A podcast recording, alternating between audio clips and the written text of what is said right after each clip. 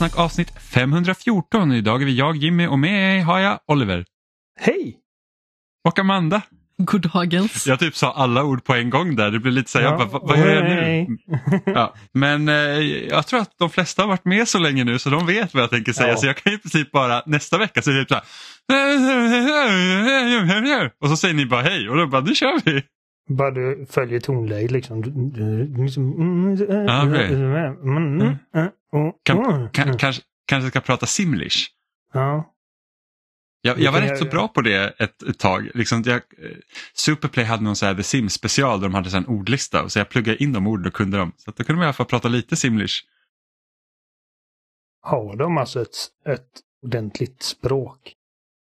Ja, alltså jag vet ju liksom... Nej, alltså det är ju... Nej, det måste finnas några regler med tanke på att de har ju också hyrt in artister som faktiskt sjunger på simlish.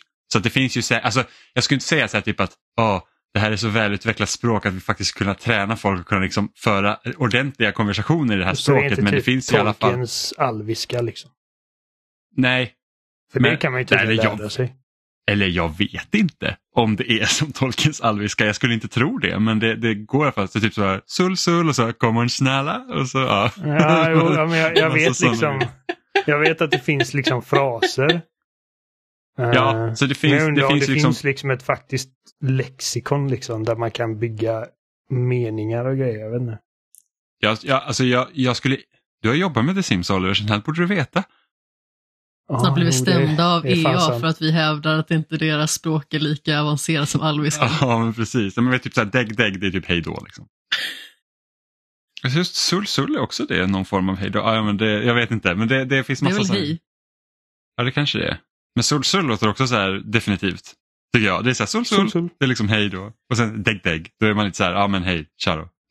Jag vet inte. Jag var väldigt inne i The Sims ett tag. Och jag var liksom inne i The Sims innan jag ens hade spelat The Sims. Jag liksom bara älskade Sims och bara så här önskade att jag kunde spela det. Ja, ja, men det är med Sims, den, den perioden har man... Jag, jag tror dock inte att jag har varit eh, lika liksom begeistrad i Sims sen första spelet. Jag vet att många i vår ålder särskilt är väldigt förtjusta i tvåan. Eh, Det är det bästa. Ja, trean är min favorit. Men trean är också det spelet som jag spelade när det kom. Och tvåan spelade jag aldrig. Så att jag liksom gick från ettan till tre. Eh, ja, jag, jag spelade tvåan när det kom. eh, så ett av de tidigare förhandsbokade spelen jag gjorde. Ehm, men liksom ettan bara kändes, det var bara en så jävla fräsch idé. Det var liksom som ingenting jag hade spelat fram till den punkten. Mm. Eh, och det fanns en viss vacker simplicitet i det. Mm. Ja men det är ju liksom, och, och väldigt så här beroendeframkallande. Man bara så här, ja men få några Ja, vänner, avancera och liksom, och så Alltså, testar man gränserna och liksom, ja. Jag spelade The Sims Hot Date hos en kompis. Och sen så dök helt Wow. plötsligt The Sims 2 upp. Och då var det ju liksom allting som man ägnade sig åt.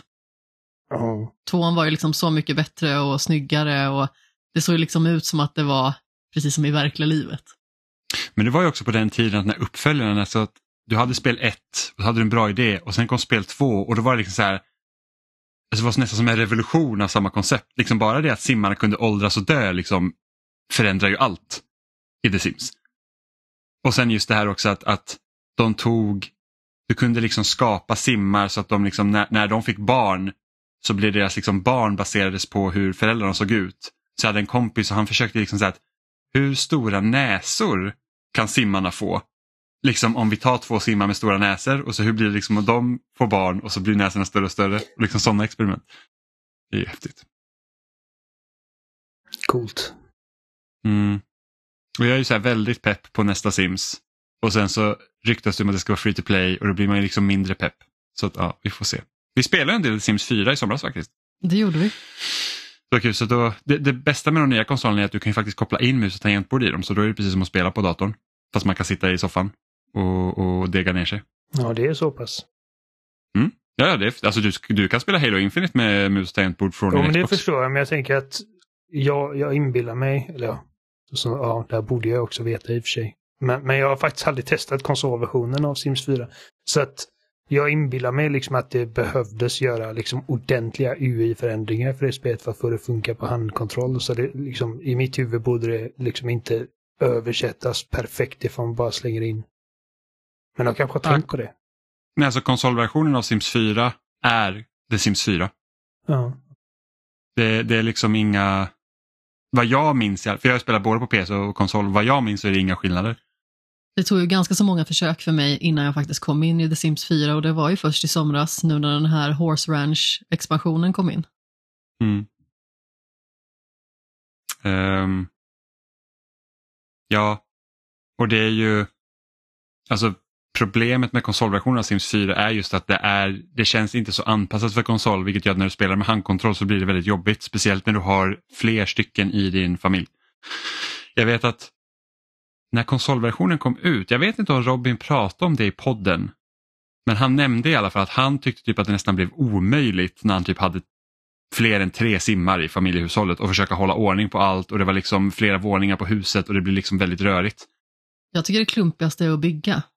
Ja, byggandet är, faktiskt väldigt knepigt med handkontroll. Vilket är lite synd för att The Sims till GameCube, Playstation 2 och Xbox som var en nedbantad version av PC-spelet egentligen, eh, även om det var riktigt 3D-grafik vilket inte var originalet. Där fungerade kontrollen som jag minns det nu, jag har inte spelat det säkert på 20 år, eh, var väldigt bra. Och det roligaste med det också var att man kunde spela co-op. Så det var ju helt eh, kanon faktiskt. Kul. Mm. Jag tror, alltså, det måste ju vara någon sån här typ, jag lovar att om någon ska gå tillbaka och lyssna på alla våra poddar och så här, Jimmy nämner The Sims på GameCube relativt ofta. Ja, jag tror inte det kan vara många som gör det. Men alltså, som sagt, jag och Robin vi satt liksom, jag och Robin vi spelade The Sims 1 på GameCube så här, 10-12 timmar i sträck. Utan paus första gången. För att det var liksom så här, det var så roligt och så kom man in i så här typ, ah, nu har min gubbe en svacka så nu kommer de må, dåligt i några dagar så man försöka arbeta runt det och, och sådär. Så det var, äh, det var kul. Och sen när de hade mer tidskrävande uppgifter så gick man på toa och satte det på lite långsammare. Jag vet inte fan om det hände. Nej, jag tror inte det, vi gjorde det så för att spelare två kunde ju faktiskt styra båda om jag inte minns fel. Ja, när man spelade själv. Ja, eller hur funkar Jag minns fan inte exakt hur det funkade. Får kanske ta upp Ga- GameCube, den är ju kopplad till tv. Vi kanske får spela lite The Sims och kolla hur det funkar. Jag har en viss känsla av att det kommer vara kämpigt. Ja, ja jo. Alltså man, som sagt, barnen åldras ju inte. Det är ju typ det sämsta. Och sen tror jag att Sims 2 till GameCube, där kunde du inte ens skaffa barn. Mhm. Vilket var så kul för att då kunde man ju typ ligga med vem som helst hela tiden för att bli bästa kompisar. Det var ju så jag gjorde, kommer du ihåg? Vi pratade om det här i skämshögen när jag pratade om, om Severus Snape som skulle bli så här typ vetenskapsman och sen så behövde man så jävla mycket vänner för att bli max. Så jag bara så här, man ligger med alla hela tiden så blir man bästa vänner skitfort. Så man behöver typ bara säga hej, fatta lite tycke till varandra och sen liksom, sen var det bara att lägga sig i sängen och då blir man ju kompisar. Och sen så hade jag ju besök konstant i mitt hem. KK. För att då får, ja, men blir man KKs i Sims 2 på GameCube så får de även nycklar till ens hem. Och jag ver verkar typ vara den enda i hela grannskapet som hade en dator. För så fort man skaffade dator och sen hade man några liggkompisar så kom de ju hem till en och bara satt i den där jävla datorn hela tiden. Mina elräkningar sköt i höjden för att de alltid någon på min dator. Det är ju faktiskt ett skämshögen-avsnitt som är döpt just efter det här. Ja, det är så bisarrt. Severus Snapes sexkapader. Ja, och det är därför The Sims är så fantastiskt för det händer ju sådana här skumma grejer hela tiden. Ja, men verkligen. Så det ska faktiskt bli spännande för att Paradox utvecklar det här Life by You som kommer i Early Access nu i, i vår tror jag. Eh, så det ska faktiskt bli intressant att se vad någon, vad någon annan utvecklare gör med konceptet. Liksom, City Skylines lyckades de ju väldigt bra med eh, liksom att ta SimCity-konceptet och få liksom det att bli nästan ännu bättre. Ehm, och det är svårt att göra med The Sims för The Sims har ju en sån tydlig karaktär till sig. Att det är lätt att tappa det. Känner jag. Liksom, blir det Mm. för realistiskt då kanske det inte är lika kul. Eh, men blir det för quirky då är det liksom, går det åt andra hållet. Vi har, för, vi har pratat om det här förut, om liksom, eh, Ja. konkurrenter och att ingen har riktigt lyckats slå sig in i den liksom, nischen. Eh, för att det, det är jävligt svårt med både presentation och ton och sådana grejer. Mm. De blir så här, vad ska man göra? För att, alltså, det bästa är att göra det när typ ingen annan har gjort det på ett tag. Och The Sims 4 är jävligt gammalt, men jag tror det blir 10 år i år. Det blir det. Jo, Så- men så de att har det är ändå liksom- hållit, det är ju inte ett dödsspel, de har ju hållit Nej, det nej. liksom. Absolut, Ehm, men det är så här, aktivt. hur kan du ta det till nästa nivå då? Med, Mm, ja, det, det är svårt. Jag vet att vissa har ju försökt säga att det kom ju något så här singles som var mer liksom på så här datinggrejen och då skulle det vara så här riktigt naket och det skulle vara sexscener och grejer. Någon försöker liksom, men det, det blev ju ingen hit och spelet skulle inte vara speciellt bra heller. vi vet ju att eh, det som behövs för att få in dig är high def muskulatur på simmarna. ja, precis. De får Det, min det är nästa bara, steg. Uff. Ja, man ser muskelfibrerna där så man bara, alla mina gubbar i, i nästa spel så här- är så här rippade och jag bara, ho, ho, ho.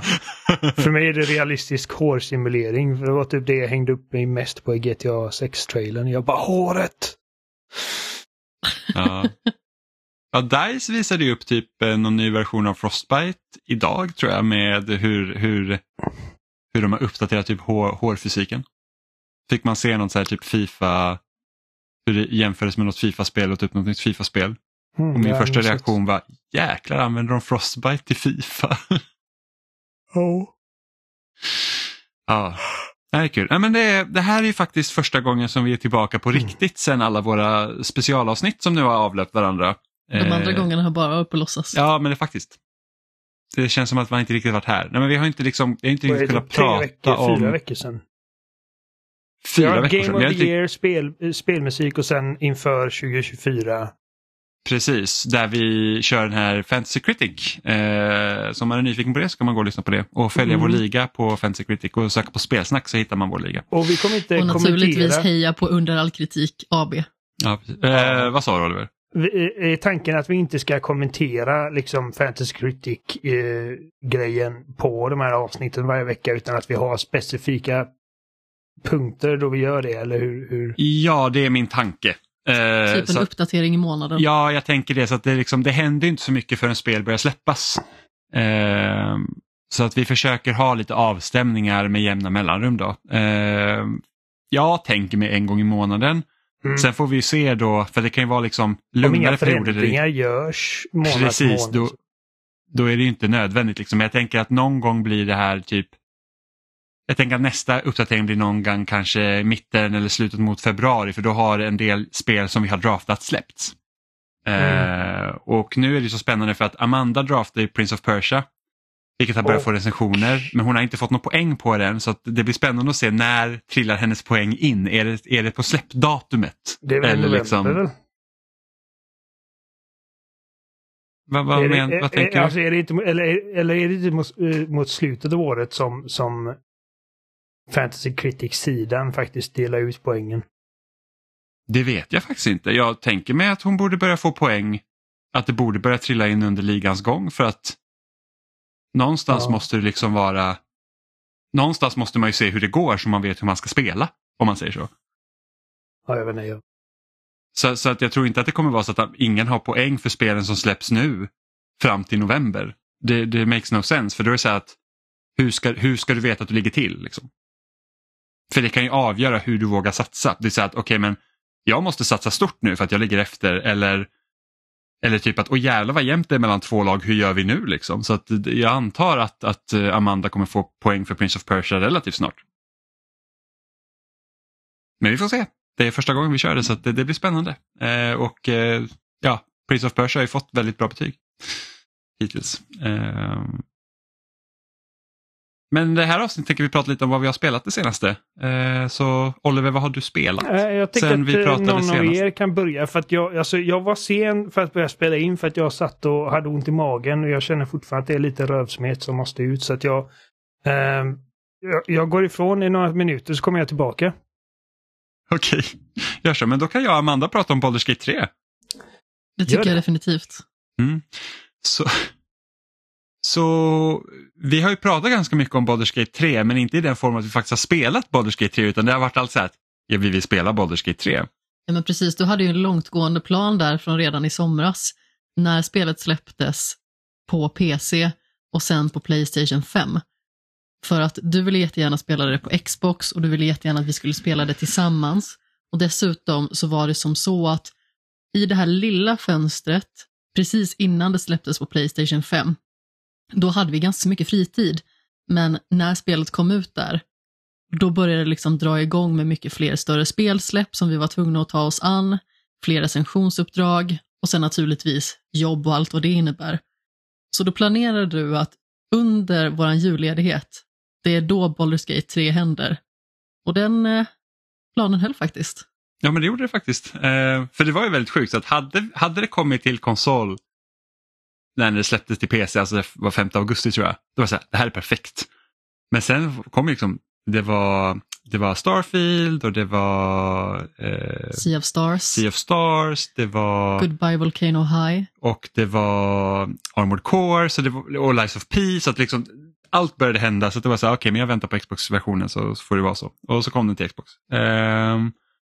Och, och det här är ju vårt det här är ju första gången vi spelar ett spel från Larian Studios då, som gör liksom den här typen av spel då med eh, Divinity-spelen. Eh, jag vet inte vad de har gjort innan heller utan det är väl liksom det var med den serien som de egentligen fick ett ganska uppsving och sen så blev det ganska stora liksom rubriker när det kom fram att de skulle då utveckla Baldur's Gate 3. Eh, eftersom Baldur's Gate 1 och 2 utvecklades av Bioware. Och liksom är, de är ju väldigt sådana här klassiska RPG'n. Alltså vä- väldigt erkända liksom och det, jag tror att det var de spelen som satte Bioware på kartan. Jo men precis, man har ju hört eh, Baldur's Gate Dark Alliance slängas runt en del. Ja, och speciellt tvåan då. är ju liksom det som är så här att the shit om man säger så. Eh, och sen var ju akt 1 av Baldur's Gate 3 var i Early Access ett bra tag och så släpptes ju fullreleasen då i, i, i höstas. Eh, och vad tycker du? Alltså, jag som egentligen drog med dig på det här tåget. Alltså jag är fascinerad av hur ett spel verkligen kan hålla för den otroliga upphåsning som du har fått liksom i mångt och mycket under nästan ett halvårs tid. För att jag kände att jag var lite orolig på förhand att jag inte skulle tycka att det var så bra som så många andra tyckte. Och jag ska faktiskt erkänna att det är ju lite en kulla att ta sig över, för det är ganska så mycket parametrar som går in i spelet. Du skapar din karaktär, det finns ganska så mycket som går att pilla i där med vilken klass man vill spela, med vilken ras man ska spela. Man behöver ju naturligtvis inte gå in på minsta detalj när man redigerar sin karaktär, men man kanske vill göra den så personlig som möjligt. Och sen ut efter det så måste man ju anpassa sin spelstil, vad man väljer för vapen, vad man använder för rustning, hur man tacklar olika strider och liknande. Så det tar lite tid innan man kommer in i det och visst det är ju sånt som också finns i andra spel naturligtvis. Men just i det här spelet så är det väldigt omfattande och dessutom varvar man de här utforskaraspekterna när man går un... Och dessutom varvar man de här utforskaraspekterna där man går runt i världen och kollar läget och ser nya platser med strategistrider. Vilket du kanske inte riktigt hör till vanligheten. För ofta så kanske det är lite mer statiskt däremellan och sedan kommer striderna. Jag tänker framförallt på Fire Emblem som vi båda två har spelat en hel del. Medan här är det ju någonting helt annat. För det blir ju väldigt mycket mer levande. Och man känner liksom att man verkligen uppslukas av den här världen. Berättelsen är naturligtvis spännande till en inledning och man känner att jag vill veta mer vad som har hänt i den här världen. Men sedan så är det ju mycket som kastas på en på en och samma gång. Det är nya karaktärer som man plockar upp. Det är liksom små detaljer som man behöver ha koll på för att se till att man får liksom en så effektiv framfart som möjligt. Och vi spelar ju faktiskt på lägsta svårighetsgraden för att vi känner att i och med att inte vi är insatta alls i den här sortens spel så är det liksom bäst att vi faktiskt ser till att vi inte blir fast allt för länge. För vi har ju faktiskt blivit fast på vissa ställen ändå. Ja, det är utmanande på sina delar och det, jag tror det beror mycket också på att man inte riktigt inte riktigt är insatt i alla system och spelar liksom efter bästa förmåga. Ehm, för det är egentligen som skiljer sig Baldur's Gate 3 från liksom andra rollspel, det är att det går inte riktigt att liksom kötta på och typ överlevla. För att maxleveln är 12 och jag tror att vi är nu på level 7. Ja, Precis. och vi är Ehm, 40 timmar in. Ja, ja precis. Eh, och det går heller inte att, det är inte som att oh, du kommer hela tiden hitta bättre gear utan det finns ju såklart de här graderna av så här, ja, men så här, vanligt, ovanligt, eh, sällsynt, legendarisk och sånt. Eh, och där vapnen liksom mer eller mindre har olika förmågor och attribut till sig snarare än att den här har högre defense.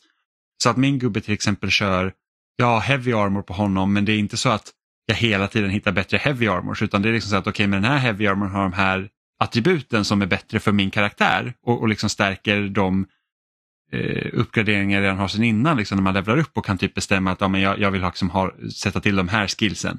Eh, vilket gör att, liksom, att det är inte så att man man kollar inte på att ja, den här har tre defenspoäng och sen nästa armor har kanske sju defenspoäng utan det, det, är liksom en helt annat sätt att spela på. Samma sak med vapnen. Det gäller också att hitta liksom att visst det här vapnet kanske har lite sämre hitpoints överlag men de har de här attributen som, gör, som passar bra med min karaktär vilket gör den starkare. Och vi har ju ganska så olika spelstilar också. Du spelar ju alvisk paladin. Ja, så att jag har lite magi lite och... påpucklare. Ja, precis. Jag, jag, är, jag är bra på magi men jag är även bra på liksom att ge, ge och ta stryk. Då. Exakt. Och jag spelar Rogue och skogsalv. Vilket då innebär att min karaktär är lite bättre på att liksom smyga runt i skuggorna och kanske ha lite mer smygattacker och liknande. Och framförallt fick jag ju lära mig att det är inte alls bra att ha för tung rustning på sig. Så man får liksom offra lite grann skyddet för att kunna bli bättre på sina attacker. För att om man har för tung rustning på sig så blir det helt enkelt att det är väldigt lätt att karaktären börjar missa sina attacker, eh, den kanske gör sämre skada på motståndarna och så vidare. Så ja, det blir helt måste, enkelt en osmidighet man som man måste, måste klaffa där. Man måste spela sin roll helt enkelt. Det är liksom, du kan inte ha en tung rustning på någon som ska typ smyga runt och typ försöka liksom smyga helt enkelt. Ja men precis. Eh, och det är det som det känns som att det skiljer sig lite grann i det här spelet från andra spel. För att det här spelet är så pass smart på det sättet att det liksom tvingar fram det här rollspelandet i rollspelet. För att jag vet några strider till exempel som varit lite klurigare där vi verkligen har fått dela upp att du till exempel har gått rakt in i striden med huvudet före och jag har smugit runt och hållit mig lite i skymundan tills jag hittat ett bra läge. Där går jag in i striden och försöker liksom vara lite mer smygande, lite mer hemlig, håller mig lite mer på avstånd, ser till att det liksom inte tar så mycket skada. Så det har verkligen blivit att vi har fått se till att vi har förankrat våra roller, inte bara liksom i spelet, utan också i vår kommunikation. Så det är det som är väldigt roligt med att spela det här spelet tillsammans. Att vi behöver vara strategiska, både i spelet och utanför spelet, för att vi behöver diskutera fram hur gör vi det här på bästa sätt? Kanske behöver vi få med den här karaktären för att den har allierade som kan hjälpa oss i striden. Det var en strid som vi satt fast på ganska så länge, där vi fick mycket skit på oss på en och samma gång och det var liksom helt överväldigande och vi blir så hårt mulade gång på gång på gång. Och sen så kom vi fram till att okej, vi behöver ha förstärkning här, vi behöver ha hjälp, vi kan inte bara ha våra fyra karaktärer. Och så fort vi lyckades få den liksom planen att sättas i verket genom att ladda lite tidigare sparfil och fila lite på hur gör vi det här på bästa sätt, då satt det. Mm. Och så har vi liksom gjort flera gånger. Jag vet det var ett ställe där det var liksom specifikt en skurk som vi skulle ha ut av tre. Och då var vi tvungna att fiffla med hur tar vi ut den här skurken på bästa sätt utan att den hinner tillkalla förstärkning? Kan du liksom låsa in oss i det här stället så kan jag döda karaktären. Så det har liksom varit väldigt mycket planerande och det är sånt som jag tror att både du och jag tycker är väldigt roligt. Så vi har blivit väldigt investerade och när vi kom in över den här lilla kullen som jag pratade om tidigare då släppte det ju verkligen. Jag tror att den sista lördagen innan vi återgick till våra jobb så satt vi nio timmar. Mm. Ja, det går, tiden går väldigt fort när man spelar här. Uh, just för att ja, men när det kommer liksom så här, en grej att när vi liksom spelar co-op är det också att vi behöver liksom inte vara väldigt fast vid varandra. Jag kommer ihåg när vi började spela så var det så att okay, man vill inte missa någon dialog eller någonting sånt utan det var så att ja, men vi, vi är alla med på dialogen så får en ta kommandot och så får den andra sitta in och lyssna. Men liksom, det är inte hållbart i längden för att det blir rätt så tråkigt. Så att det blir så att vi kan gå på varsitt håll, bygga våra egna relationer och sen kan vi berätta för varandra vad som har hänt. Den enda gången egentligen vi, vi samspelar helt ordentligt det är när vi kör huvudstoryn. Då. Precis. Så det blir ju mycket att vi gör varsin egen berättelse och sedan så syr vi ihop det till liksom det övergripande narrativet också. Och det här är ju ett spel där det verkligen känns som att valen verkligen gör skillnad. För att jag vet ju liksom att vi har kompisar som har sagt att men den här karaktären dog tidigt och den blev mördad och det har liksom funnits tillfällen där våra karaktärer har kunnat råka väldigt illa ut. En av våra medlemmar i gruppen kunde bli mulad i stort sett på natten och där förhindrade vi det för vi tänkte liksom att ah, okej, okay, det kanske inte är så jättebra att den här karaktären dör så här tidigt, vi kan behöva henne sen. Eh, och sen så höll du ju på att bussa en lönnmördare på en av mina favoritkaraktärer. Ja, precis. Ja, men det, det är också här, det, det, är så roliga situationer då för att man träffar på en person som letar efter en i vårt, vårt party. Liksom. Och jag säger, ja men, jo men jag vet vem det här är, han är under mitt skydd typ. Han bara, ja men vi behöver prata med honom och grejer. Och då var det så här att, ja okej okay, men då tänkte jag så att vi kan säkert lösa det här på något sätt liksom, och prata ut det för att nu liksom vi sätter korten på bordet så jag bara, men han, här är vårt camp, liksom, kom hit typ. Han bara, ah vad bra och sen så bara, nej, det var inte liksom meningen att den här, jag skulle liksom hjälpa personen att mörda vår karaktär, jag ville liksom att vi kunde prata ut det här. Precis, karaktären som också är mitt romantiska intresse och som är typ den första karaktären som man kan hitta. Vilket är väldigt roligt också för att eh, det är ju Astarion jag pratar om som är en favoritkaraktär för väldigt många just på grund av att han är väldigt underhållande. Och vi började fundera på lite grann eh, vad det är man stött på honom egentligen. Jag menar han är liksom, han är i stort sett liksom omslagspojken för spelet. Och vi hittar honom inte någonstans. Och då visade det sig liksom tio timmar in att okej, okay, vi har missat honom. Så vi behövde gå tillbaka och fixa honom. Och efter det så blir det också lite extra roligt för att det är en karaktär som tillför väldigt mycket Ja, men precis. Eh, så att, att, man kan ju faktiskt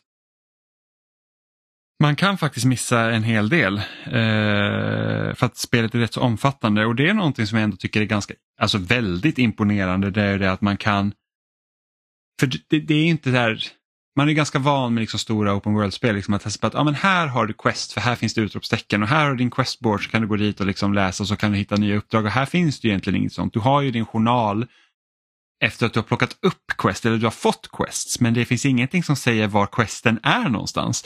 Så det gör ju att oavsett var man går här så det blir som ett nytt äventyr. Och eftersom det här spelet baseras på Dungeons and Dragons så känns det lite som att, för att där, där kör det liksom papper och penna rollspel så är det mycket så att Dungeon Mastern får ju komma på liksom och försöka putta spelarna till rätt liksom håll och sen så bara, men nu kommer ni hit och då händer det här och det här och det här. Eh, och här, eftersom det är liksom ett spel med redan klara parametrar så, så är det liksom inte lika fritt. Vad som helst ska egentligen inte hända, men de ändå lyckas få den känslan att ja, men vi går till den här, liksom lite till den här biten av kartan och tittar och så pratar man med någon och sen då får du ett uppdrag. Eller liksom att bara det typ att varenda djur i spelet har en, har liksom lines inte mer så här woof woof liksom, utan det är så att du kan ha karaktärer som kan prata med djur och då pratar djuren med dig. Och det är liksom någonting som du helt och hållet kan missa om du ett, inte har en potion för att prata med djur eller du kanske inte kör en klass som kan prata med djur. Eh, vilket gör att man också kan missa massa saker. Så att det finns ju det, är så, det finns många sätt att lösa grejer på här som du kanske inte har någon aning om för du kanske inte spelar på det sättet. Men just det här med att man kan hitta uppdrag så tätt för att du och jag kan ju varit så att ah, men vi går till den här delen av kartan bara för att titta och sen så nu är vi på en helt annan questline som är helt oberoende från eh, huvudquestet vilket gör att det, det, det är väldigt det föder den här upptäckarlusten och det gör att du inte liksom bara checkar av din liksom så här, kartan att här är grejer att hitta utan det är liksom att du upptäcker kartan och då hamnar det symboler på den i så fall. Det som är väldigt roligt med de här djuruppdragen det är ju liksom att hade inte du testat att ta en sån här trolldryck vid ett specifikt tillfälle så hade vi inte fått en karaktär i vårt läger. För det är så att vi hittade en hund som stod och väntade på att hans husse skulle vakna mer eller mindre och hussen var ju egentligen död så det var väldigt sorgligt. Men eh, när han kom på liksom att okej, okay, han kommer inte vakna, då kom han till vårt läger istället. Ja, precis. Så att det är liksom, sådana grejer kan man missa. Så att det, det är faktiskt väldigt roligt. Precis, och det hade liksom bara kunnat vara en hund i förbefarten. Men nu fick vi liksom en hel dialog med den här hunden och en väldigt sorglig historia dessutom, men också liksom en ny lagmedlem. Mm. Verkligen. Um, och det är ju en annan upplevelse att spela co som vi gör, än om vi hade spelat själv.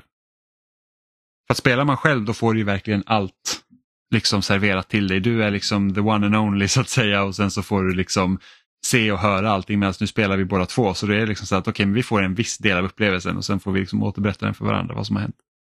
Fast jag tror ändå att det är till fördel att spela tillsammans så här första gången när det är så liksom stort och omfattande och man har kanske liksom inte riktigt koll på allting som händer, hur man ska gå tillväga och att man faktiskt kan diskutera sig fram till olika lösningar. För jag vet inte riktigt om jag hade klarat av att spela det här själv, inte inledningsvis i alla fall. Jag tror att jag liksom hade kanske behövt någon som guidade mig en liten bit.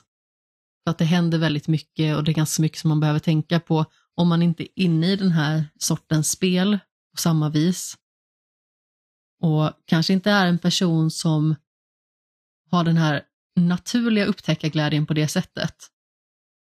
Det här hade nog blivit knivigt. Men jag tycker att det är jätteroligt att spela det tillsammans. Och känner man liksom minsta tveksamhet till att spela det själv, försök att hitta någon att spela det tillsammans med. För att det är liksom en väldigt härlig delad upplevelse. Och eh, om man lyssnar på Skämshögens senaste avsnitt som kan ha kommit igår, kommer förmodligen imorgon, så pratar vi ju en hel del om Baldur's Gate och varför vi tycker om det där också. Och att vi rankade ändå ganska så högt båda två för det här året. Mm. Jag är väldigt glad att vi satt oss och spelade faktiskt. Jag också. Um, Herre jävlar det, det, det är lite annorlunda. jag säger hej Oliver. Hej. Uh, ja, så ni gillar, uh, ni gillar spelet? Ja, gud ja. Vi gillar det jättemycket. Du skrev ju till, till mig till och med Oliver. Typ ja. typ så här, bara, För att jag, jag antar att du också blir sugen på... undrar jag. För jag såg dig online ja, att spelare och du sa det är kanonbra. Jag tror du hade hatat det. jag tror att du hade gillat typ så interaktioner och sånt med karaktärerna. Jag tror, du inte, jag tror inte att du hade uppskattat striderna och jag tror inte att du hade Nej. uppskattat allt pillande i menyerna. Nej, och, och jag tror dig. Kort och gott. Bara, bara titta på det ger mig så små, små ångest. Um, men alltså när det är billigare någon gång så ska jag i alla fall testa det. Det ska jag Det är, bör, det är början som är svår. Alltså det, det, mm. det kan vara en ganska stor uppförsbacke. Eh, men det är liksom det, det är jäkligt roligt. Och sen som sagt, vi spelar på lättaste och jag tror att det hade varit bra att börja där och sen öka svårighetsgraden efter det i så fall. Mm. Ja men precis, är man en novis för liksom den här typen av spel, då rekommenderas det verkligen. För att jag tycker verkligen inte att det finns någon form av stolthet i att spela på högre svårighetsgrad bara för att. Utan det känns nej, liksom nej, nej. som att man vill hitta den upplevelse som passar bäst för en själv och som gör att man har mest njutbar tid som man lägger ner. Ja men verkligen. Det, men det är verkligen kanon. Jag förstår att det har fått så mycket liksom, att det har blivit så rosat om man säger så. Sen är det synd bara det att vi får lägga lite, vi får lägga Baldur's Gate 3 på is nu för att nu har vi båda fått liksom recensionsuppdrag och sånt. Så att, eh, så ja, och måste... du har ju fått recensionsuppdrag för typ sex personer tidsmässigt. Ja, gud, jag har fått två stora rollspel att recensera, vilket blev så här att oj, nu. Och jag var så här, jag ville spela Prince of Persia, nu kommer inte jag kunna spela det för att jag har inte tid. Eh, vilket är lite synd. Eh, men vad har du spelat Oliver? Jag har spelat en jävla massa gamla grejer. Uh, Som vanligt om andra ord, du vill ja. säga genomspelning 572 på typ Super Mario Sunshine eller någonting? Mm. Nej, Super Mario Sunshine är ett sånt spel som att det, det är aldrig lika bra som första gången jag spelade. Um, Men hur bra var det första gången man spelade egentligen? Asbra. Okej. ja, men alltså då var Fast det liksom... var det det? När jag spelade... Eller sa du Sunshine? Ja, Sunshine. Ja, jag, jag tyckte jag hörde dig säga Galaxy. Galaxy är skitbra. Alla uh, gånger jag spelar Galaxy är jag bara så här, det här är kanon. Nej, jag kommer några timmar in och sen så känner jag mig så begränsad i det. Men, men ja, Sunshine, jag, menar, jag tyckte om det uh, då och jag kan liksom Senast jag spelade med den här samlingen så tyckte jag, ja men liksom det här har roliga delar. Bara att det är liksom lite utspritt.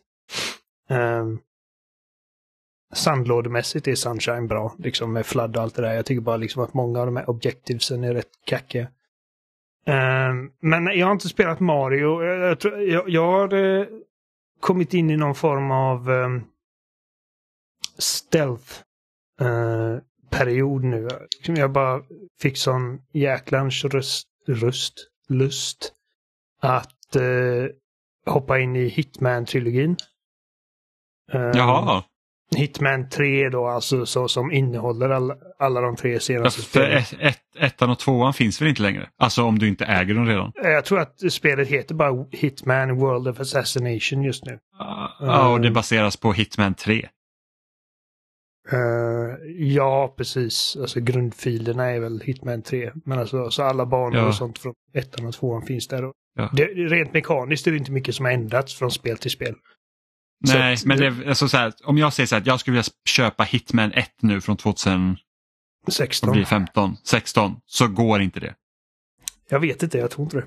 Jag, jag tror inte det. Jag tror att du måste, det är liksom, det är, ja, det är då Hitman World of Assassination som egentligen är Hitman 3. Mm. Men jävlar vilket, vilket bra spel det är.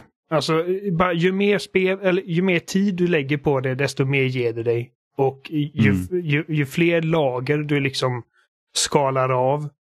eh, Så, jag vet inte hur många gånger jag har klarat Paris och Sapienza-banorna och liksom kommer på nya roliga sätt att mörda folk på. Det är, det är verkligen helt otroligt vad de har lyckats med. Eh, liksom bara sett till den liksom den sandlåda de släpper dig i och den verktygslåda du får. Och så bara liksom Mm. hit, liksom, ifall du vill, men ifall man är riktigt tråkig så går man liksom och typ skjuter någon i huvudet och går ut. Eller använder pianotråden. De riktiga bossarna, de släpper ju typ en uppstoppad älg i huvudet på någon. Eller... alltså som, som en av mina absoluta favorit... Eh, favoriter i första spel så är det en måltavla som, som är liksom gör sig redo. Eller läkarna gör, gör honom redo för en eh, hjärt, hjärttransplantation. Och du bara går ner i förrådet och slänger hjärtat i en soptunna. Och så har du dödat honom. Mm. Eh, och och i, först, i, i trean, det- första uppdraget i det senaste spelet när eh, man ska ha ihjäl någon snubbe i, i en skyskrapa i Dubai. Jag vet inte om det är Burj Khalifa, det kanske det är. Eller om det är en fiktiv version, jag kommer inte ihåg. Eh, men där kan du liksom sabotera för att du, du får reda på att uh, under ett liksom nödläge så är protokollet för de här liksom VIPsen att uh, ta på sig uh, ryggsäckar, eller på att säga, med fallskärmar heter de. Och hoppa av från byggnaden. Och du saboterar fallskärmen. och drar igång ett krisläge och bara ser honom hoppa från byggnaden själv. Bara, alltså, Mm. IO Interactive har lagt så jävla mycket tid och energi och, och, och omtanke i liksom bara kreativa sätt att ha ihjäl en jävel. Och eh, Mm. det, det, det är alltså förmodligen jag menar, det är ju tekniskt sett tre spel i ett, men nu, nu kan man liksom räkna det som Hitman World of Assassination och som liksom paket så är det i princip oslagbart som liksom bara stealth liksom sandlåda. Det är verkligen helt makalöst, jag älskar det. Ehm, Mm. Ja, och ba- bara för att liksom fortsätta lite på det spåret som du pratade om där, liksom så att ja, det tråkigaste är att döda någon med pianotråd, men samtidigt så att ska du döda alla dina targets med enbart pianotråden utan att bli sedd så är det också en utmaning. Ja, Det absolut. är liksom inte, absolut. då, då är det ju verkligen så att, så att, för att det är det som är så fascinerande också med det här att det är inte så att ja, du upptäcker nya sätt att döda någon på men det kan också vara så att fan jag ska döda den här personen med en sko. Hur gör jag det? Ja. Och sen samtidigt då utan att bli upptäckt. Precis. personen att sniffa på den. Och det, Ja, om det är och- dina skor igen. Och det finns ju, jag menar, liksom, det finns ju utmaningar i spelen som, som verkligen uppmuntrar till omspelningar. Och jag har haft jävligt roligt med, för det finns ju den här liksom suit only silent assassin, vilket betyder att du inte får byta direkt. Vilket gör att det ba- bara där är liksom väldigt mycket svårare bara baserat på vad du har för åtkomst på banorna. Ehm, men också att liksom du ska bara döda dina mål och du ska inte bli upptäckt och du ska inte lämna några bevis. Och det är li- liksom, det, det är verkligen i ett väldesignat stealth-spel så är det liksom min favorit-approach. Är liksom att göra vad jag, vad jag kom för att göra och lämna stället utan att någon ens fattar att jag varit där. Eh, Mm. Det är bara en sån jävla tillfredsställande känsla liksom. Eh, och, och som sagt, så, så man kan göra de grejerna och jag, och, och, jag har gjort dem på många av banorna. Eh, inte alla ännu, men många av dem och jag har haft skitroligt. Men, det- men det, det är också liksom bara, bara hur, hur stora banorna är och hur många olika liksom skriptade hysteriskt roliga sätt det finns att ha ihjäl- ha ihjäl folk på gör att det blir aldrig riktigt tråkigt att spela om samma banor. Nej. Nej, jag maxade ju första spelet när jag spelade Hitman för typ, nu är det nog tre år sedan tror jag. Visst var det bra? Eh, ja, men det, det är så här, att det kräver, alltså jag hade ju försökt tidigare liksom bara sätta mig in i Hitman och sen så försökte jag och Robin så här, vi bara, "Ja, men ska vi spela ett spel och ta lite achievements i? Och så bara, ja men vi kan spela Hitman och sen så Robin han bara så här började minmaxa direkt och jag var så här, ah. Och jag var så här, jag vill ju gärna, jag är så här ofta så att jag vill gärna känna på spelet först och sen börja liksom så att nu tar jag alla achievements. Men då har jag liksom fått göra men han var så här, han bara direkt bana ett, jag bara jag ska göra allt nu och jag var så här, oh. Det är så typiskt Robin. Ja, jag vet det är det. Och jag var så här, det här, det här tar lite glädjen ut, eh, alltså bort för mig för det. Så Mm. jag, jag, liksom, jag la ner typ på en gång. Men sen så kom jag in i det så att nu ska jag spela Hitman och sen så körde jag liksom så att om jag körde alla banor. Liksom, jag, jag, jag tar liksom mordet på alla banor först och sen så går jag liksom ta bana för bana och Ja, systematiskt precis. liksom göra allting. Det inte, Visst, det, det, det tar längre tid men det är också så här att det blir inte den här stora pressen på att, så att "Ja, nu är det här jag ska göra, liksom, jag ska bara göra allt liksom. Utan jag får känna på spelet. Och det kräver ett visst humör för, även för mig Ja. liksom, som verkligen dyrkar spelet. Så det är liksom, jag är inte alltid på humör för de här väldigt liksom smarta, utstuderade, liksom eh, långsamma spelen. Um, samma som Ja, så är det egentligen med alla ställs. Ja, precis. Jag tänkte just säga det. Dishonored är samma sak. Det är, liksom, det är inte så här att nu pressar jag Dishonored liksom och kör all, allt i rad. Utan det är så här, det, det kräver... Och, och jag tror att det beror mycket på hur man vill spela de här spelen. Då hade, hade, liksom, hade det varit så att nu vill jag spela Hitman och sen så bryr inte jag mig riktigt om jag blir sedd eller någonting. utan Jag, jag tar lite som det kommer och sen så får det bli liksom actionfest av det. Men, men jag är ju inte sån när jag spelar stället. Det är bara att jag ska göra det här perfekt. Mm. Jag får liksom inte bli sedd Ja, och ingen får hitta mina likdelar och sånt. Så då, då, Likdelar. då, ja men då är det en helt annan grej. Liksom. Men, men spelar du Dishonored och känner så här att okej men går det åt skiten så spelar det ingen roll för då kör, använder jag bara mina powers och grejer. Då är det lugnt. Men det blir ju väldigt krävande det här med att fan jag blir sedd, ladda om, testa en ny grej.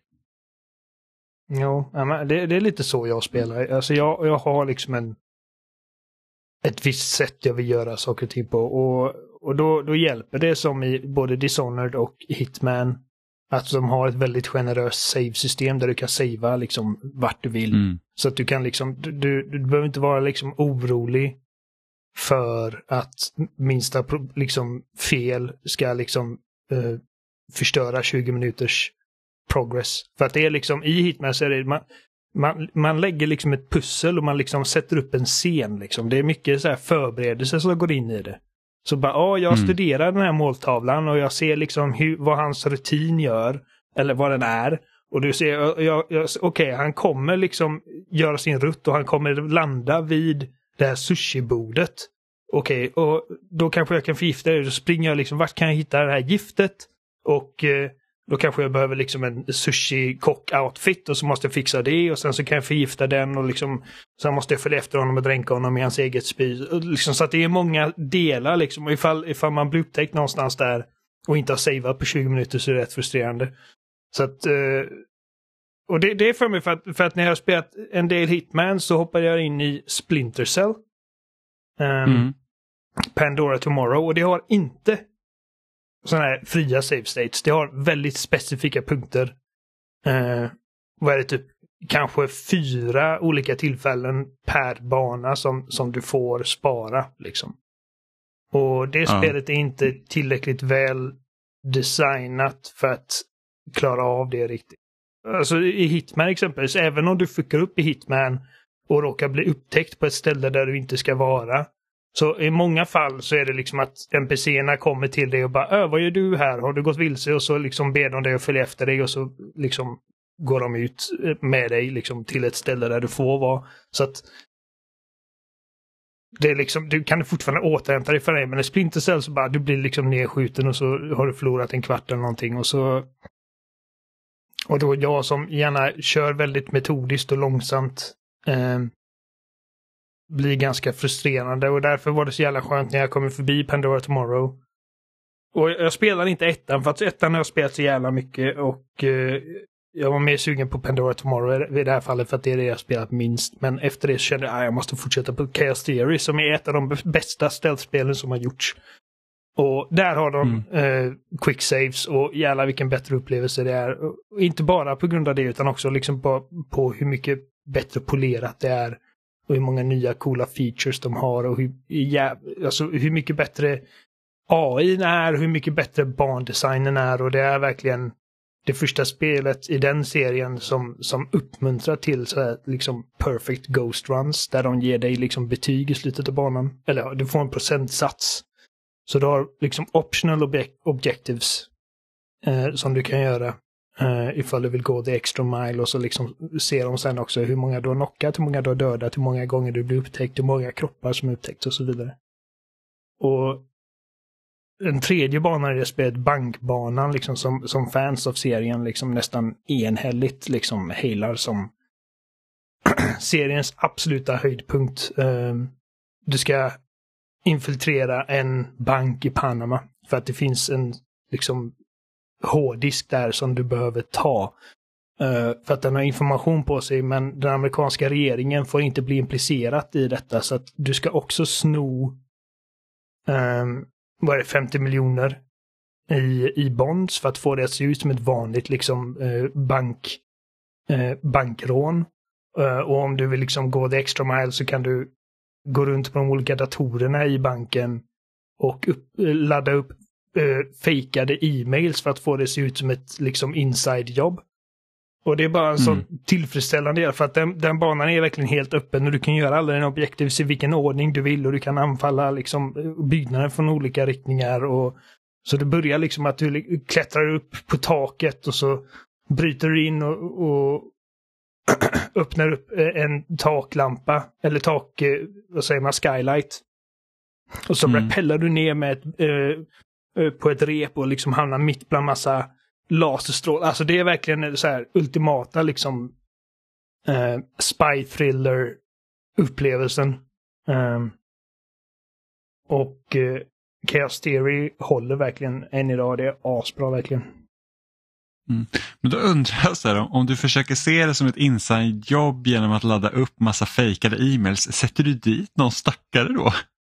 Uh, ja, förmodligen någon bankdirektör. För att, för att, för att det borde liksom komma upp ganska snabbt liksom om du sätter in fejkade e-mails på personer som inte existerar. Då är det så här att men det här stämmer ju liksom inte. Men alltså om man då ska ladda upp fejkade e-mails då måste det nästan vara knutet till någon riktig person. Allting i namnet i, i så här, presidentens namn vet du. Ja. Ja, det är hårt. Ja, men det är kul. Jag började ju spela första Splinter Cell för typ ett och ett halvt år sedan kanske. Mm. Eh, för att jag ville spela igenom alla dem. Men första spelet är lite rough. Och jag kom liksom av mig. Men jag tror jag mm. körde genom halva eller någonting sånt. Sur var du på det i alla fall. Ja, det var något så här typ, ja men som sagt jag försöker liksom göra det liksom så perfekt det bara går genom att inte synas och sånt och så man bara så här, den här gubben såg mig, så bara, men hur ska jag göra det här? Nu, ja, det, det är liksom, det, det, är från en tid där spel var liksom lite mer fyrkantiga. Ja, att precis. Det, liksom, det, det, ja. det, det, visar definitivt sin ålder. Liksom. Jag, tycker att, alltså, ja. jag tycker att man behöver liksom komma in i det och liksom förstå hur, dels hur AI fungerar och hur SAM fungerar att styra. Och när man liksom känner till reglerna kring hur allting fungerar så, så tycker jag att det fortfarande funkar. Uh, Chaos Theory känns inte gammalt på samma sätt. Men det ser mm. ut som ett spel som, som, som kom 2005 eller uh, Även om det var ett väldigt snyggt spel från den tiden. Uh, men liksom bara sett till eh, liksom både mekaniskt och hur det känns att kontrollera gubben och eh, hur världen re reagerar på dig och hur mycket utrymme du har för att... För att i ettan så finns det liksom ett par banor som eskalerar till lägen där du liksom automatiskt blir upptäckt och hamnar i en gunfight, vilket känns ganska... Liksom, det, här, det här spelet är inte byggt för att vara en shooter liksom. Mm. Um, och Chaos Theory gör inte det riktigt. Det, jag, jag för mig att med väldigt få undantag så kan du i princip ghosta igenom det he hela det spelet helt och hållet utan att liksom ens röra en fiende. Vilket är mitt favoritsätt att ta den bankbanan. Liksom, eh, liksom jag, jag, ingen vakt får veta att jag ens har varit där. Liksom. Det, det är jävligt tillfredsställande. Men eh, ja, så, så Hitman och, och Splinter Cell och jag har också spelat Max Payne 3. Um, eh, det enda spelet historien som jag först spelade på konsol och tyckte väldigt mycket om på konsol och sen testade på PC och sen inte kunna gå tillbaka till konsol för att det är verkligen ett helt annat spel på PC. Um, ehm, med musen.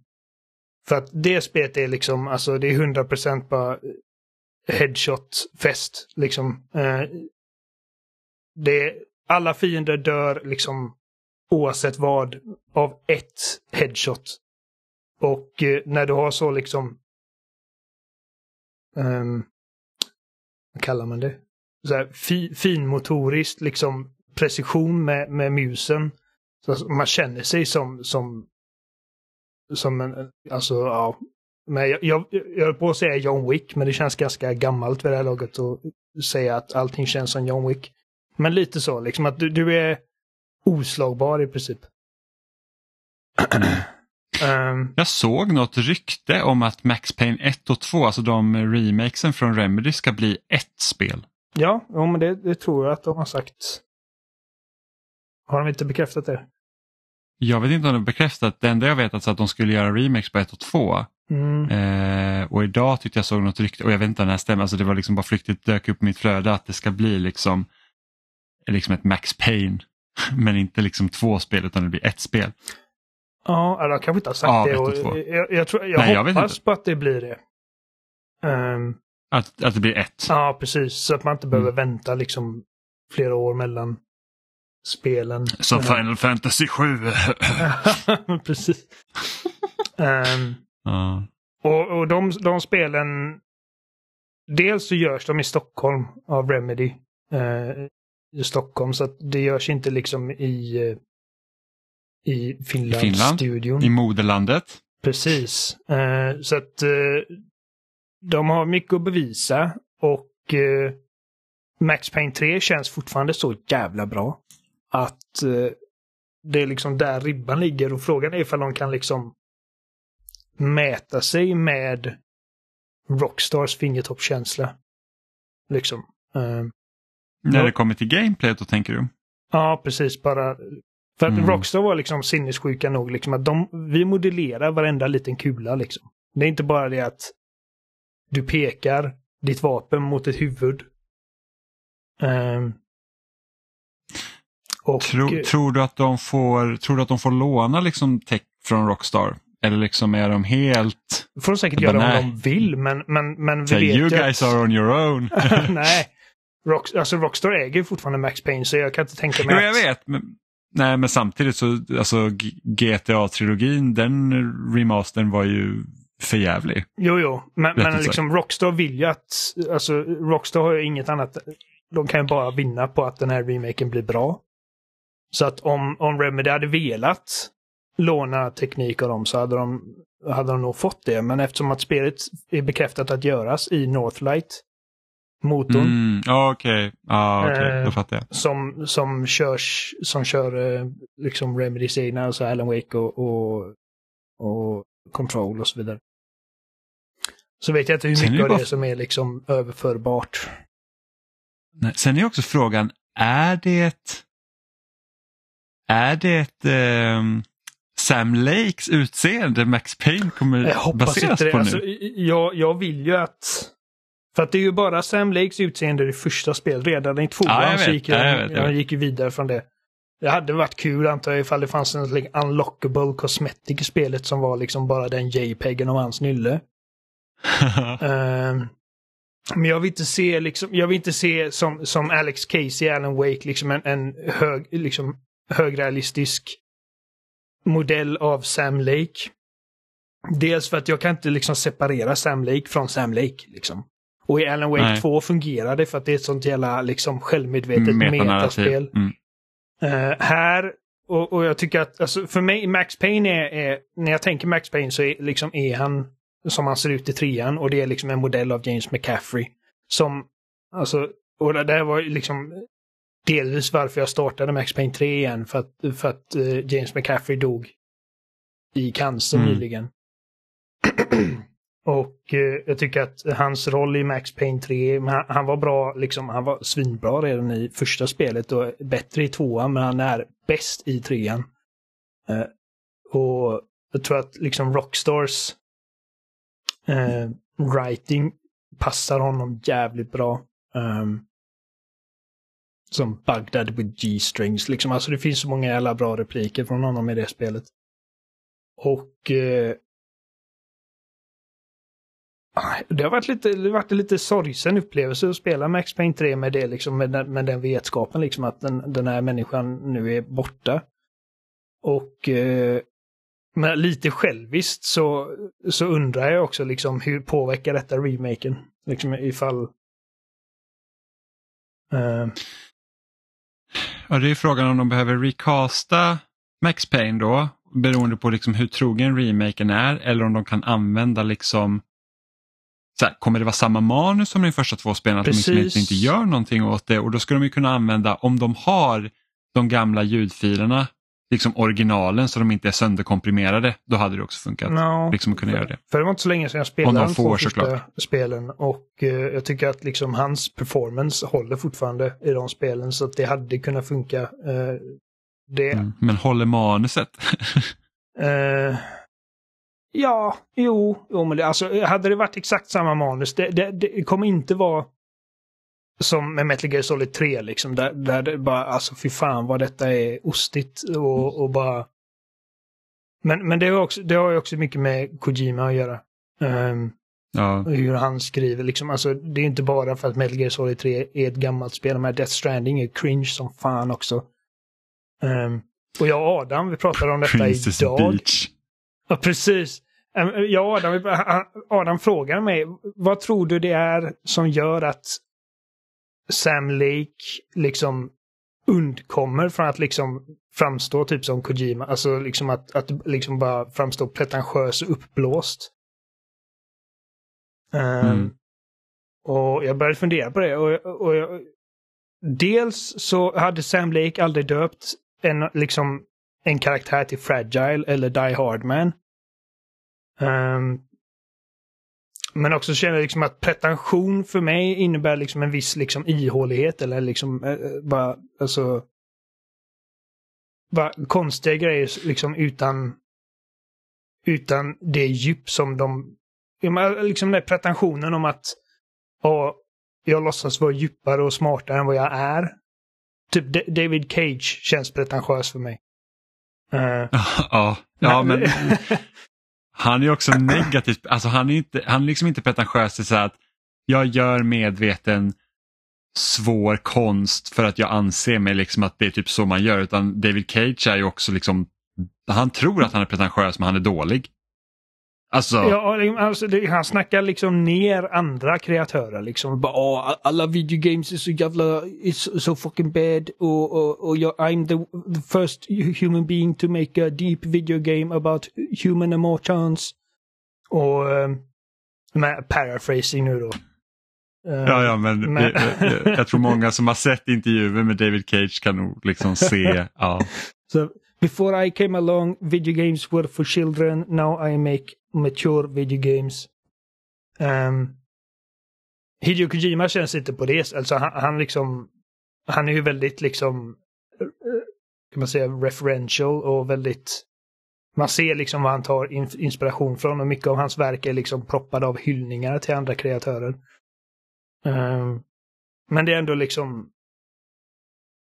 Ja, alltså Death Stranding är bara obegripligt liksom skit. Och, och Och jag Men, men jag, att- jag, måste, jag måste bara säga en sak. Liksom. Eller, gör din poäng först. Alan Wake känns inte så. Och, liksom, och, och Adam sa liksom att jag sitter och kollar på en scen där Sam Lake sitter i en soffa som sig själv typ. och de kommenterar Alan Wakes writing och man vet att det är Sam Lake som kommenterar sitt eget verk liksom. Och det... Man, man, hade det varit mindre liksom alltså sämre utfört i sin execution så hade man himlat på ögonen som fan och bara fy fan vad det här är. Men man gör inte det, man köper det liksom. Det handlar ju väldigt mycket om det känns krystat eller inte. Ja. Jag har ju under senaste året eh, konsumerat ganska så mycket böcker, framförallt i ljudboksform och det märks ju lite grann när vissa vändningar i böcker känns betydligt mer krystade än andra. Det har ju varit några vändningar som har varit så här, jag visste typ inte att man kunde göra det här. Får man göra så här ens? mm, men, men där kan man också se, alltså det är ju sättet att skriva då. Men sen så kan vi också säga att Kojima i sig själv har ju också varit väldigt så innovativ på sättet du spelar grejer. Så bara, kan man verkligen göra så här?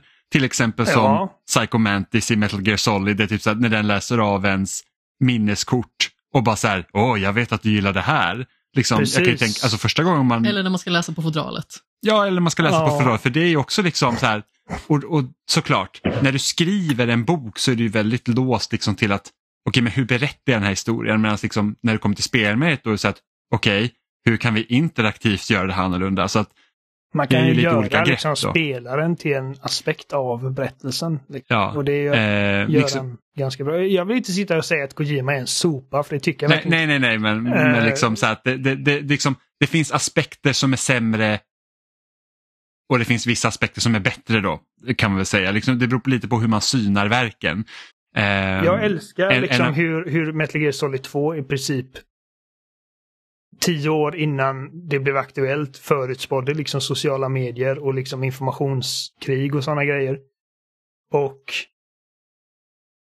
som sagt, alltså det finns massa liksom helt genialiska grejer han har bidragit med. Men sen så är det liksom man kommer till när man typ bär runt på, på hon eh, jag kommer inte ihåg vad hon heter men, men den karaktären i Death Stranding som spelas av eh, eh, Uh, vad heter hon? Ja. hon? Hon är med i uh, Once upon a time in Hollywood. Hon är typ... Ja, men, det, Margaret hon, Qualley eller vad? Eh, ja, jag, jag, vet inte, ja. jag är osäker. Men man bär runt på hennes lik fall. Ja, men hon bara, ah, liksom, uh, nej hon lever, hon sitter på din rygg liksom för att, för att spelet har liksom inte uh, det har inte liksom NPCer som kan följa efter dig så du måste ha henne som en packning liksom. Och Medan man konkar runt på henne så snackar hon liksom Åh, jag min tvilling, jag minns när jag låg i, i, i magen på vår mamma och hur jag tänkte och jag bara No you didn't. Fan vad det är liksom. ja, eh, men det jag ville säga då nu, nu kom så här att, att, att Sam Lake inte hade döpt sina karaktärer till Die Hard Man och Fragile. Men samtidigt så steget är inte jättelångt från Max, Max Payne och Nej, Alan Wake. Precis. Han, han, är, han, han balanserar på det liksom, alltså, och, och, det är så liksom, det är inte det är inte subtilt vad, liksom, vad, vad, det innebär för karaktären Max Payne att han heter Max Payne. Men det är inte menat att vara subtilt heller liksom. Och det, det och så, så, han balanserar på, liksom, på gränsen liksom perfekt när det kommer till de här liksom, lite konstigare grejerna. Um, Men det var lite det jag var inne på med böcker också liksom innan. Just det här att du kan ju göra någonting som känns väldigt forcerat och att det känns liksom som att visst, det kanske på sätt och vis skulle kunna vara revolutionerande, men samtidigt så känns det liksom som att men, det känns inte bara fantastiskt utan det kanske lämnar en lite dålig eftersmak också. Mm. Medan det finns andra verk som levererar någonting som liksom är så minnesvärt. Att det är en av de första sakerna man tänker på när man liksom tänker på mediumet som helhet. Mm. Nej. Mm. Så, så, typ Shutter Island är ju en sån. Uh, ja, ja, alltså nu, gillar du Shutter Island eller gillar du inte Shutter Island? Jag älskar boken. Det är en ah. av mina favoritböcker. Uh, I och med att jag hade läst den några gånger innan jag faktiskt såg filmen så var jag kanske lite besviken på filmen, men uh, som helhet så förstår jag ju liksom att det är ett bra verk naturligtvis. Mm. Ja, hantverket är bra. Alltså, jag, jag gillar, jag har inte läst boken, så, men jag, jag kommer ihåg att jag såg filmen på, bio och den, den, den stannade med mig faktiskt. Um, men ja, ja, ja, men då är jag med. Um, nej, så, så att det, det, var, det var inte min mening liksom att det här skulle bli så här eh, eh, Hideo Kojima-dunk liksom. Alltså, jag, jag älskar många av hans spel. Och jag älskar aspekter av Death Stranding också. Liksom. Det är ett oerhört minnesvärt spel. Eh, och Va- unikt va- spel.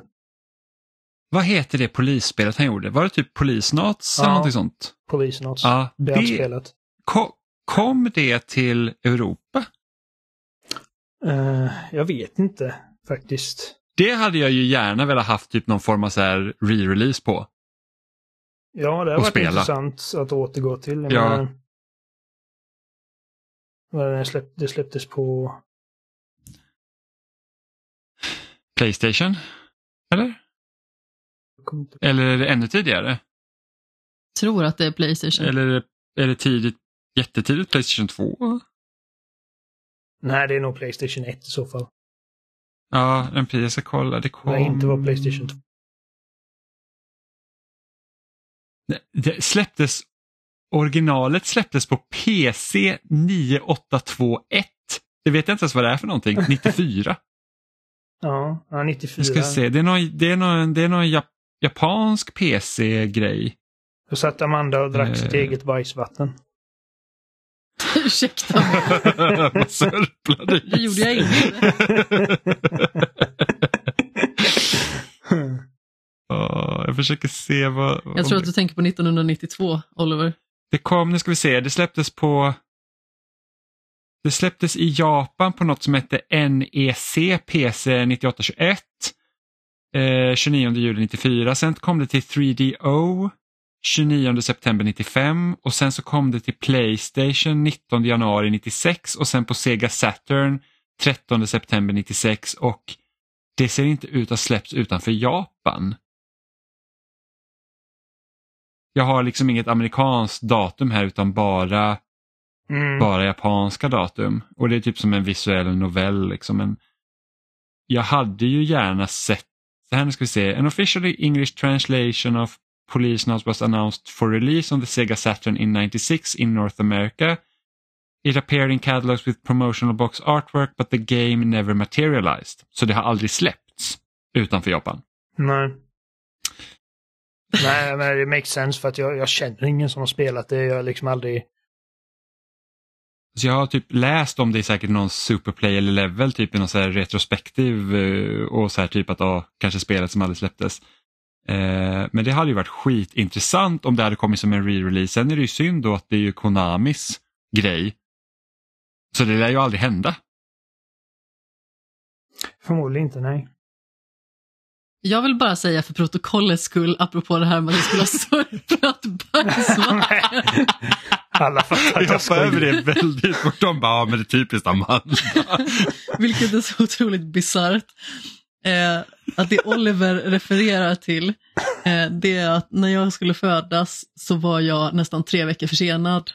Vilket gjorde att jag eh, frigjorde mina exkrement i fostervattnet. Vilket är väldigt farligt för att eh, min mamma hade kunnat få blodförgiftning och sådär. Men eh, min pappa berättade det här för alla på mitt bröllop. Och eh, Oliver tyckte att det var väldigt roligt. Det gör det, Ja, det nästan, det, grad. det gör det nästan värre genom att liksom behöva förklara det liksom. Va, hallå, hallå. Jo. Jag måste, jag, jag måste få förklara vad detta betyder. Okej, jag drack faktiskt mitt bajsvatten. Men... Ja, det men var- det gjorde jag ju inte. Det är så konstig grej att bara slänga ut i förväg. Ja, men precis. Så att, ärligt talat, det kan ju vara så att Amanda så här, typ, varje morgon när hon kliver upp så sörplar hon lite av sitt bajsvatten. för det är någonting som hon har fått för sig. Att Jo, men det här var ju också 1994 vi pratade om, vilket skulle innebära att då var jag några år gammal. Faktiskt, det är sant. Men vem vet? Du, du är lite av en så här... Du gillar ju dina rutiner. Och jag vet inte hur lång tid det tar för dig att liksom komma bort från den här rutinen. Så att liksom född i bajsvatten, liksom, de första veckorna av ditt egentliga liv då eh, så, satt du och sörplade bajsvatten så man vet inte hur lång tid det här liksom går bort. Jag ska ju tilläggas också att jag var grön när jag föddes och det var jag inte sedan. Ja, alltså- Med andra ord så ändrade jag rutinen ganska så fort. Vad var Alltså måste, vi, måste vi börja liksom ifrågasätta din mänskliga attribut här också? Om du var grön när du föddes, vad är det? Liksom, är det någon liksom, har jag gift mig med någon halv marsian? Det visste du väl på förhand? Någon liksom en jävla mångubbe som sitter här också. ja, nej men det, nej men det, ja. Ja, det här var kämpigt. Ja, vi kan ju skylla på att Kojima får oss att prata om sådana här konstiga grejer och ändå, den här konversationen makes more sense än många av hans spel. Ja, men Faktiskt Death. Stranding så är dina vapen är ditt eget bajs och typ duschvatten och piss. Det här har jag helt glömt Kommer du inte ihåg det? Varje gång han, varje gång han skiter, när han är liksom i sin så här typ safe room, så får man de här bajsgranaterna. Som är vad man slänger på de här monsterna. Det, det Jag, jag skojar bort. inte. Jag skojar. Alltså, jag, Nej, nej, jag, jag, jag tror dig. Det bara är bisarrt. så- Guillermo del Toros karaktär jag för mig det är som liksom bara oh, jag, I've, I've come up with a way to make your, uh, shall I say, uh, your waste into a weapon against the BTs. Så det, det, det är bokstavligen Ja. liksom, alltså som en apa, man slänger sin egen bajs på folk liksom. ja, Norman Reedus är väl lite aplik. Så Och det, det är Kojima, Det är lite liksom, han är inte liksom above bajshumor. nej, Eh, men det, nej, med tanke på att typ i alla Metal Gear Solid-spel så har vi ju så har vi ju den här ena agenten som alltid liksom sitter på toa. Ja men Johnny eller vad han heter. det- Ja, fyran det- tas det till sin spets liksom. Och, och, och, och det fick, då är det inte ens en Easter egg längre Nej. utan då är det ju liksom och, och full on display. Meryl faller för honom. Trots att han liksom bajsar ner sig. Alltså var 30 minut. Och, och, och han ger också liksom en, en lore. Han bara You will be ashamed of your words and deeds. Man får, man får reda på att det finns en anledning till att han bajsar ner sig hela tiden. Det är inte för att han är liksom en toddler. Det är för att han vägrar ta sina na- nanomachine shots för han är rädd för nålar. Så att, eh, ja. Det, Ja, jag tror att i, i tvåan så ska man sitta och snipa på något ställe och då kan man liksom typ, om man använder då sin, värme... Sin den här typ, scope. eh, ja inte bara heat vision scope, jag tror man kan använda den här typ så här att man, man hör på längre avstånd. Så kan man Ja, just zooma in det. på någon typ och sådana där och då sitter han och bajsar Bara, och så hör man. ja. Det var inte heat vision scope, det var eh, eh, mikrofonen, ja, lasermikrofonen. Ja, precis. precis. Så att, ja, det, det är lite sånt grejer. Eh, men nu har vi pratat väldigt mycket om så här, äldre spel. Amanda, du har ju faktiskt spelat det nyaste spelet av dem alla. Eh, för du har ju spelat Prince of Persia The Lost Crown. Ja, det är helt sant. Jag vet inte riktigt hur jag ska gå vidare från det här egentligen. Kastar man sina extremiteter på folk i Prince of Persia? Vi kan ju börja där. Man kastar inte exkrement i Prince of Persia, The Lost Crown. Ehm, det här är faktiskt en spelserie som inte jag har eh, varit och tallat på överhuvudtaget tidigare. Men när spelet visades upp i somras vill jag minnas att det var, Ja, jag så tror det kände var på jag Summer att Games eh, Fest. det såg väldigt spännande ut. Och jag blev lite exalterad och det hade jag liksom inte riktigt förväntat mig. Jag tror inte att någon hade förväntat sig att bli exalterad över Prince of Persia 2023. Jag vet, det, det finns är nog många en väldigt- som, som har längtat väldigt länge på en Prince of Persia comeback. Men jag tror att det är många som... Ah, Det är nog många som har hoppats på ett liksom 3D-äventyr som, i likt typ som de gjorde på eh, Xbox och P- PS2. Eh, Ja, men jag, jag tror att många önskar ju nästan liksom en tillbaka åt, eh, som, till liksom Sense of Time egentligen. Det ska väl komma Mm. en uppsnopsad version av Sense of Time dessutom. Ja, som såg för jävlig ut och sen blev den uppskjuten och sen dess har vi inte hört någonting. Nej, de Nej, har Det skulle problem ha med det. släppts för typ, det är typ ett och ett halvt år sedan det skulle ha släppts. Det var typ augusti 2022 det skulle komma. Så kan det ha varit. Men det här är i alla fall inte ett tredimensionellt äventyr, utan det här är ju någonting så annorlunda som ett Metroidvania-spel i nådens år 2024. Ja, 2D Vetrovania. Ja. Right up my alley. Ja, men verkligen. Det är ju det. Och det här är en genre som jag på något vis har nött ut ganska så mycket. Jag känner att varje gång jag hör någon nämna ordet Metroidvania så blir jag liksom lite mätt i själen. Jimmy Jag känner att det här kutandet runt som en skållad råtta, där man liksom ska ta sig fram och tillbaka för att hela tiden öppna nya vägar och att man sedan ska ta, till, ta sig tillbaka till de ställen man redan har varit har blivit lite uttjatat. Och även om det har funnits vissa spelupplevelser som jag varit sugen på att ta mig an, som har haft lite av de här aspekterna i sig, så har jag känt att det har verkligen liksom inte funnits utrymme för det. Eh, kanske inte riktigt för min hjärnkapacitet, men eh, jag har liksom inte riktigt känt någon lust till det heller. Precis som jag pratade om för ett tag sedan, att jag inte riktigt kände någon lust till de här långsammare pusselplattformarna. Alltså plattformar i sig tycker jag är väldigt roligt, men när det kommer till att man utökar genren till till exempel ett Metroidvania eller till en pusselplattformare, då har det liksom blivit att jag inte alls har känt något sug efter det. Vilket är väldigt tråkigt för att det finns väldigt många bra spel i genren. Det finns spel som jag vill ta mig an. Hollow Knight är ett sånt exempel. Vilket var det senaste Men det känns som Metroidvania att- som, du bara, åh ja, det här var min jam. Jag tror att det senaste regelrätta Metroidvania-spelet som jag recenserade i alla fall var Ori and the Will of the Wisps och det är ju tre och ett halvt år sedan ungefär. Jo, men kände du liksom, kände du samma liksom motgång då, eller var du liksom all in i det? Jag tyckte mycket om det, sen så var det någonting som gjorde att jag inte riktigt spelade klart, det vill jag minnas. Förmodligen så kom det en massa andra spel just i och med att det är på den här intensivare biten av hösten. Mm. Men eh, det här är ju ett Metroidvania-spel som sagt. Och det känns lite grann som att eh, man är något på spåren med det faktiskt. Ja, vad roligt. Det har fått Man spelar ju som en hjälte som heter eh, Sargon.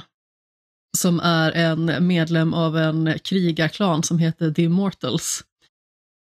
Och man får ett uppdrag att eh, rädda prins Hassan som har blivit tillfångatagen och förd till Mount Qaf. Okej, så det är inte, det, då- du spelar inte som Prince of Persia i det här spelet alltså? Så är det nog ja. Kul. Och då är i alla fall målet att man ska hämta tillbaka honom och eh, göra så, så att han är helskinnad helt enkelt. Men när man kommer till den här platsen så visar det sig att det vilar en förbannelse och det är helt enkelt eh, ondskefulla varelser som rör sig runt.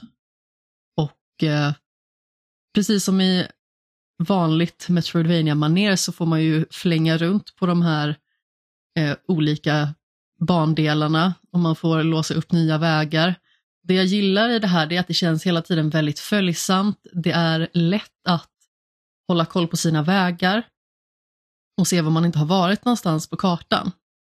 Vissa spel kan ju ha lite tveksam karta. Om vi tar till exempel Star Wars Jedi Fallen Order så hade jag jätteproblem med just de här lite mer Metroidvania-aspekterna. För att det kändes som att jag inte kom någonstans och att kartan var svår att utläsa. Men här känns det liksom väldigt lätt. Och man kan dessutom välja lite på förhand om man vill ha någon form av vägvisning. Eller om man liksom vill vara en utforskare som helt enkelt söker sig fram på eget bevåg.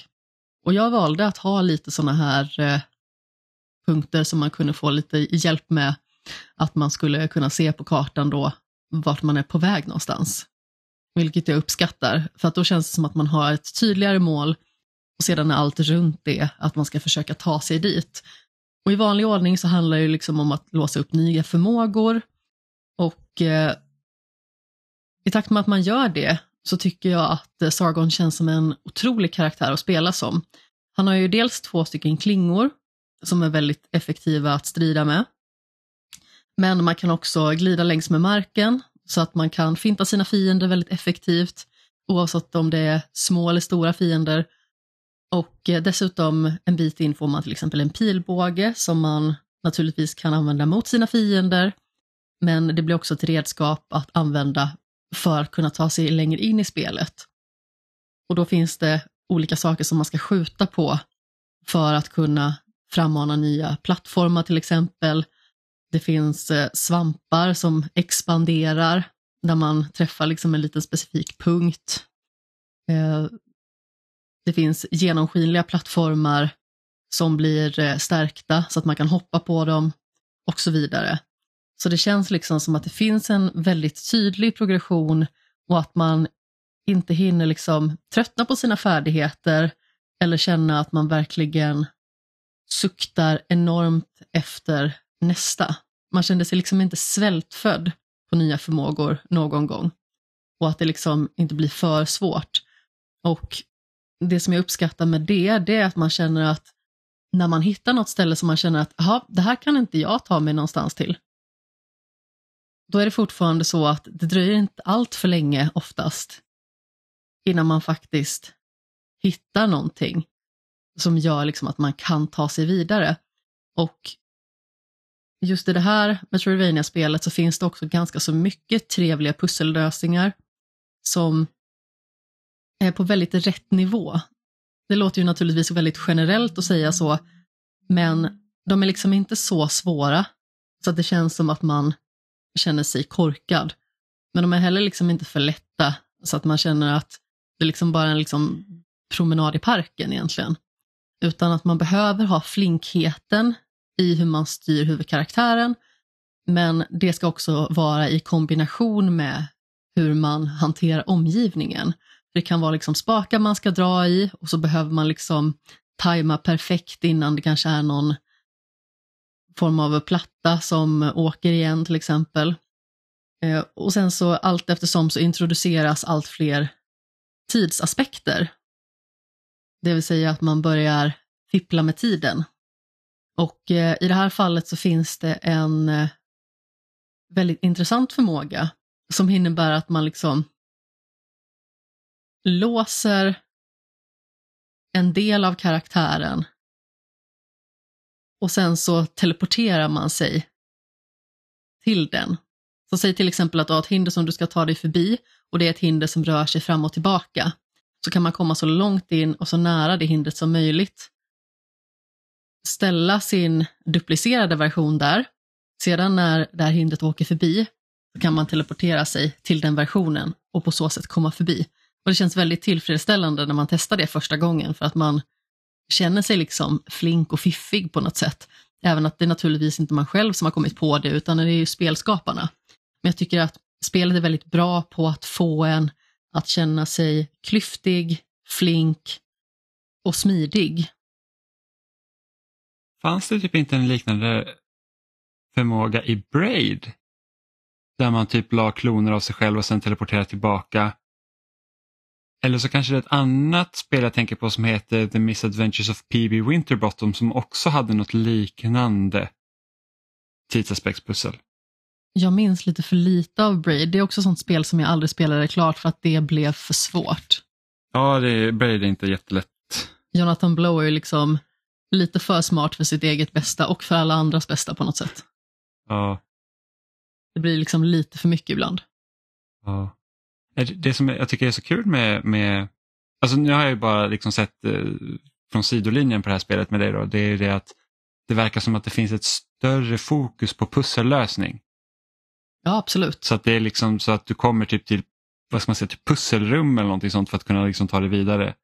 Eh, för jag har ju spelat Blasphemous 2 eh, en del, det senaste. Och där är det ju, det, det är ju väldigt Dark Souls-inspirerat, även om det är ett Metroidvania, men där är det ju inte så, det finns ju pussellösning men det känns inte som att det är, det är så mycket pussellösning där som det är i, som det har varit i Prince of Persia som jag har sett bara. Ja, men precis, och det uppskattar jag väldigt mycket för att det blir liksom ett välkommet avbrott också i att man bara ska ta sig fram och tillbaka. Och då blir det lite mer platsfokuserat att du har det här rummet och du har ett sätt, eller kanske flera, som du ska ta dig upp liksom till den högsta plattformen på. Och då kanske det är att du måste dra i en spak eller skjuta en pil på någonting som sätter bollen i rullning. Det kan vara att det är en pelare som man ska åka med på till exempel för att kunna ta sig upp till en högre höjd. Och sedan så när den börjar åka tillbaka, det är först då man kanske kan vägghoppa mot någonting som gör att man kan ta sig upp på ytterligare en högre höjd. Och när man väl har kommit upp till just den, då kanske det finns en till spak som öppnar en annan lucka. Och då tar man sig ner och tar sig runt och tar sig upp den vägen istället och då har man öppnat den här nya vägen som tar en lite längre upp. Så det är det jag menar att man liksom känner sig flink och fiffig. Mm. För att det känns som att spelet vet att man vill känna sig smart. Och det tycker jag också att man får göra. Mm. Och det är ju samma utvecklare som gjorde Rayman Origins och Rayman Legends så att de är ju riktigt bra. Jag har bara de- spelat Rayman på Gameboy. Jaha, till och med så. Eh, vi skulle kunna spela Rayman-spelen tillsammans. Det är co-op i Det kan dem. vi göra. Eh, de har skitroliga musikbanor. Ja, det är det bästa med Ja, de men det spelen. minns man. Mm, de är, och Rayman Legends, alltså Origins behöver man nog inte spela för att det är, eh, jag tror typ de flesta av Origins-banorna finns i Legends. Så att det hade vi kunnat göra, det hade varit kul. Eh, jag har inte, ja, det är det enda Rayman jag har spelat. Jag spelar Origins och jag spelar lite av Legends, men jag har inte spelat 3D-spelen av Rayman. Inte jag. Nej, inte jag heller. Ehm, men som sagt, jag tycker att det här är liksom en väldigt bra start på året och det är kul att en större utgivare satsar lite mer på den här typen av spel. Jag trodde du Att det liksom säga... inte är bara de här Förlåt, jag, bara... jag trodde du skulle säga... Det är tur att det är större utgivare har draftat det här spelet. jag säger det, jäv!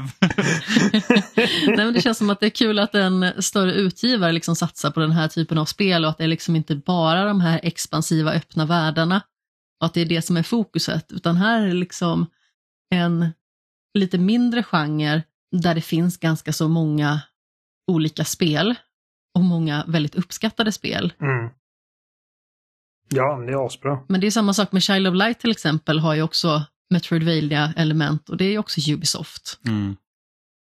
Och det är ju ändå spel som man inte riktigt tänker på att Ubisoft är bakom.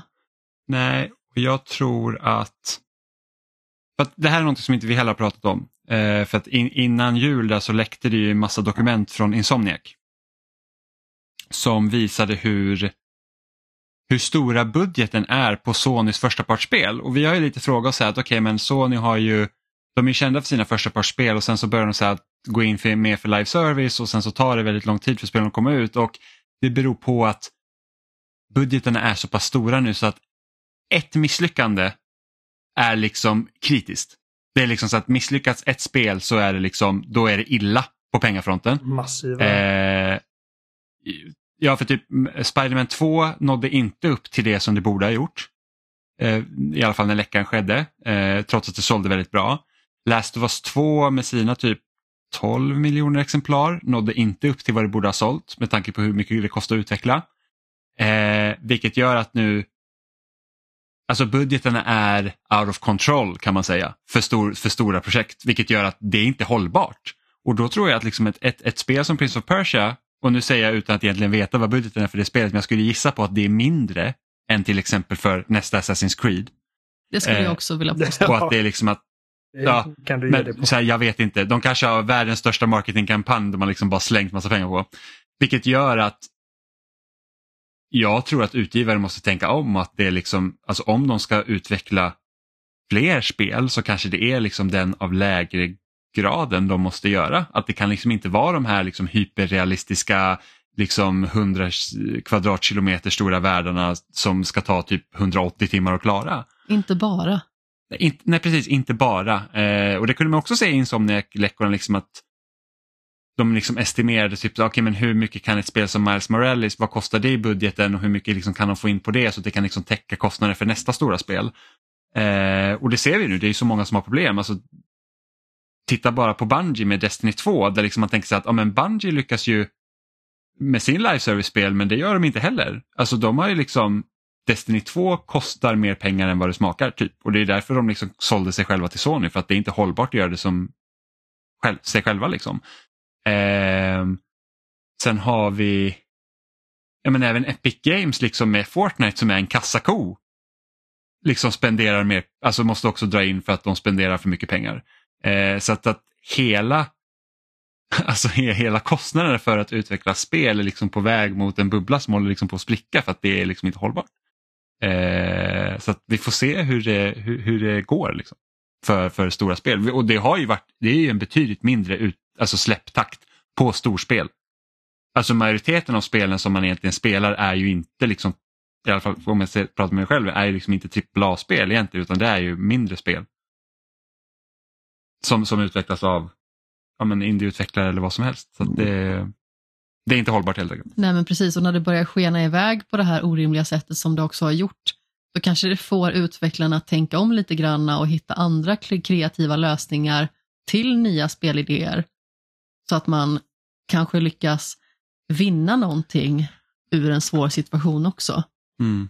För det är oftast kanske när man har som störst problematik och som mest motgångar och man behöver tänka om som eh, riktigt kluriga idéer kommer fram. Mm. Ja, tittar man tillbaka till typ, till typ 10-15 år sedan, då var det ju ofta två, tre år mellan uppföljarna. Så vi fick alltså typ Mass Effect 1 kom 2007 och Mass Effect 3 kom 2012.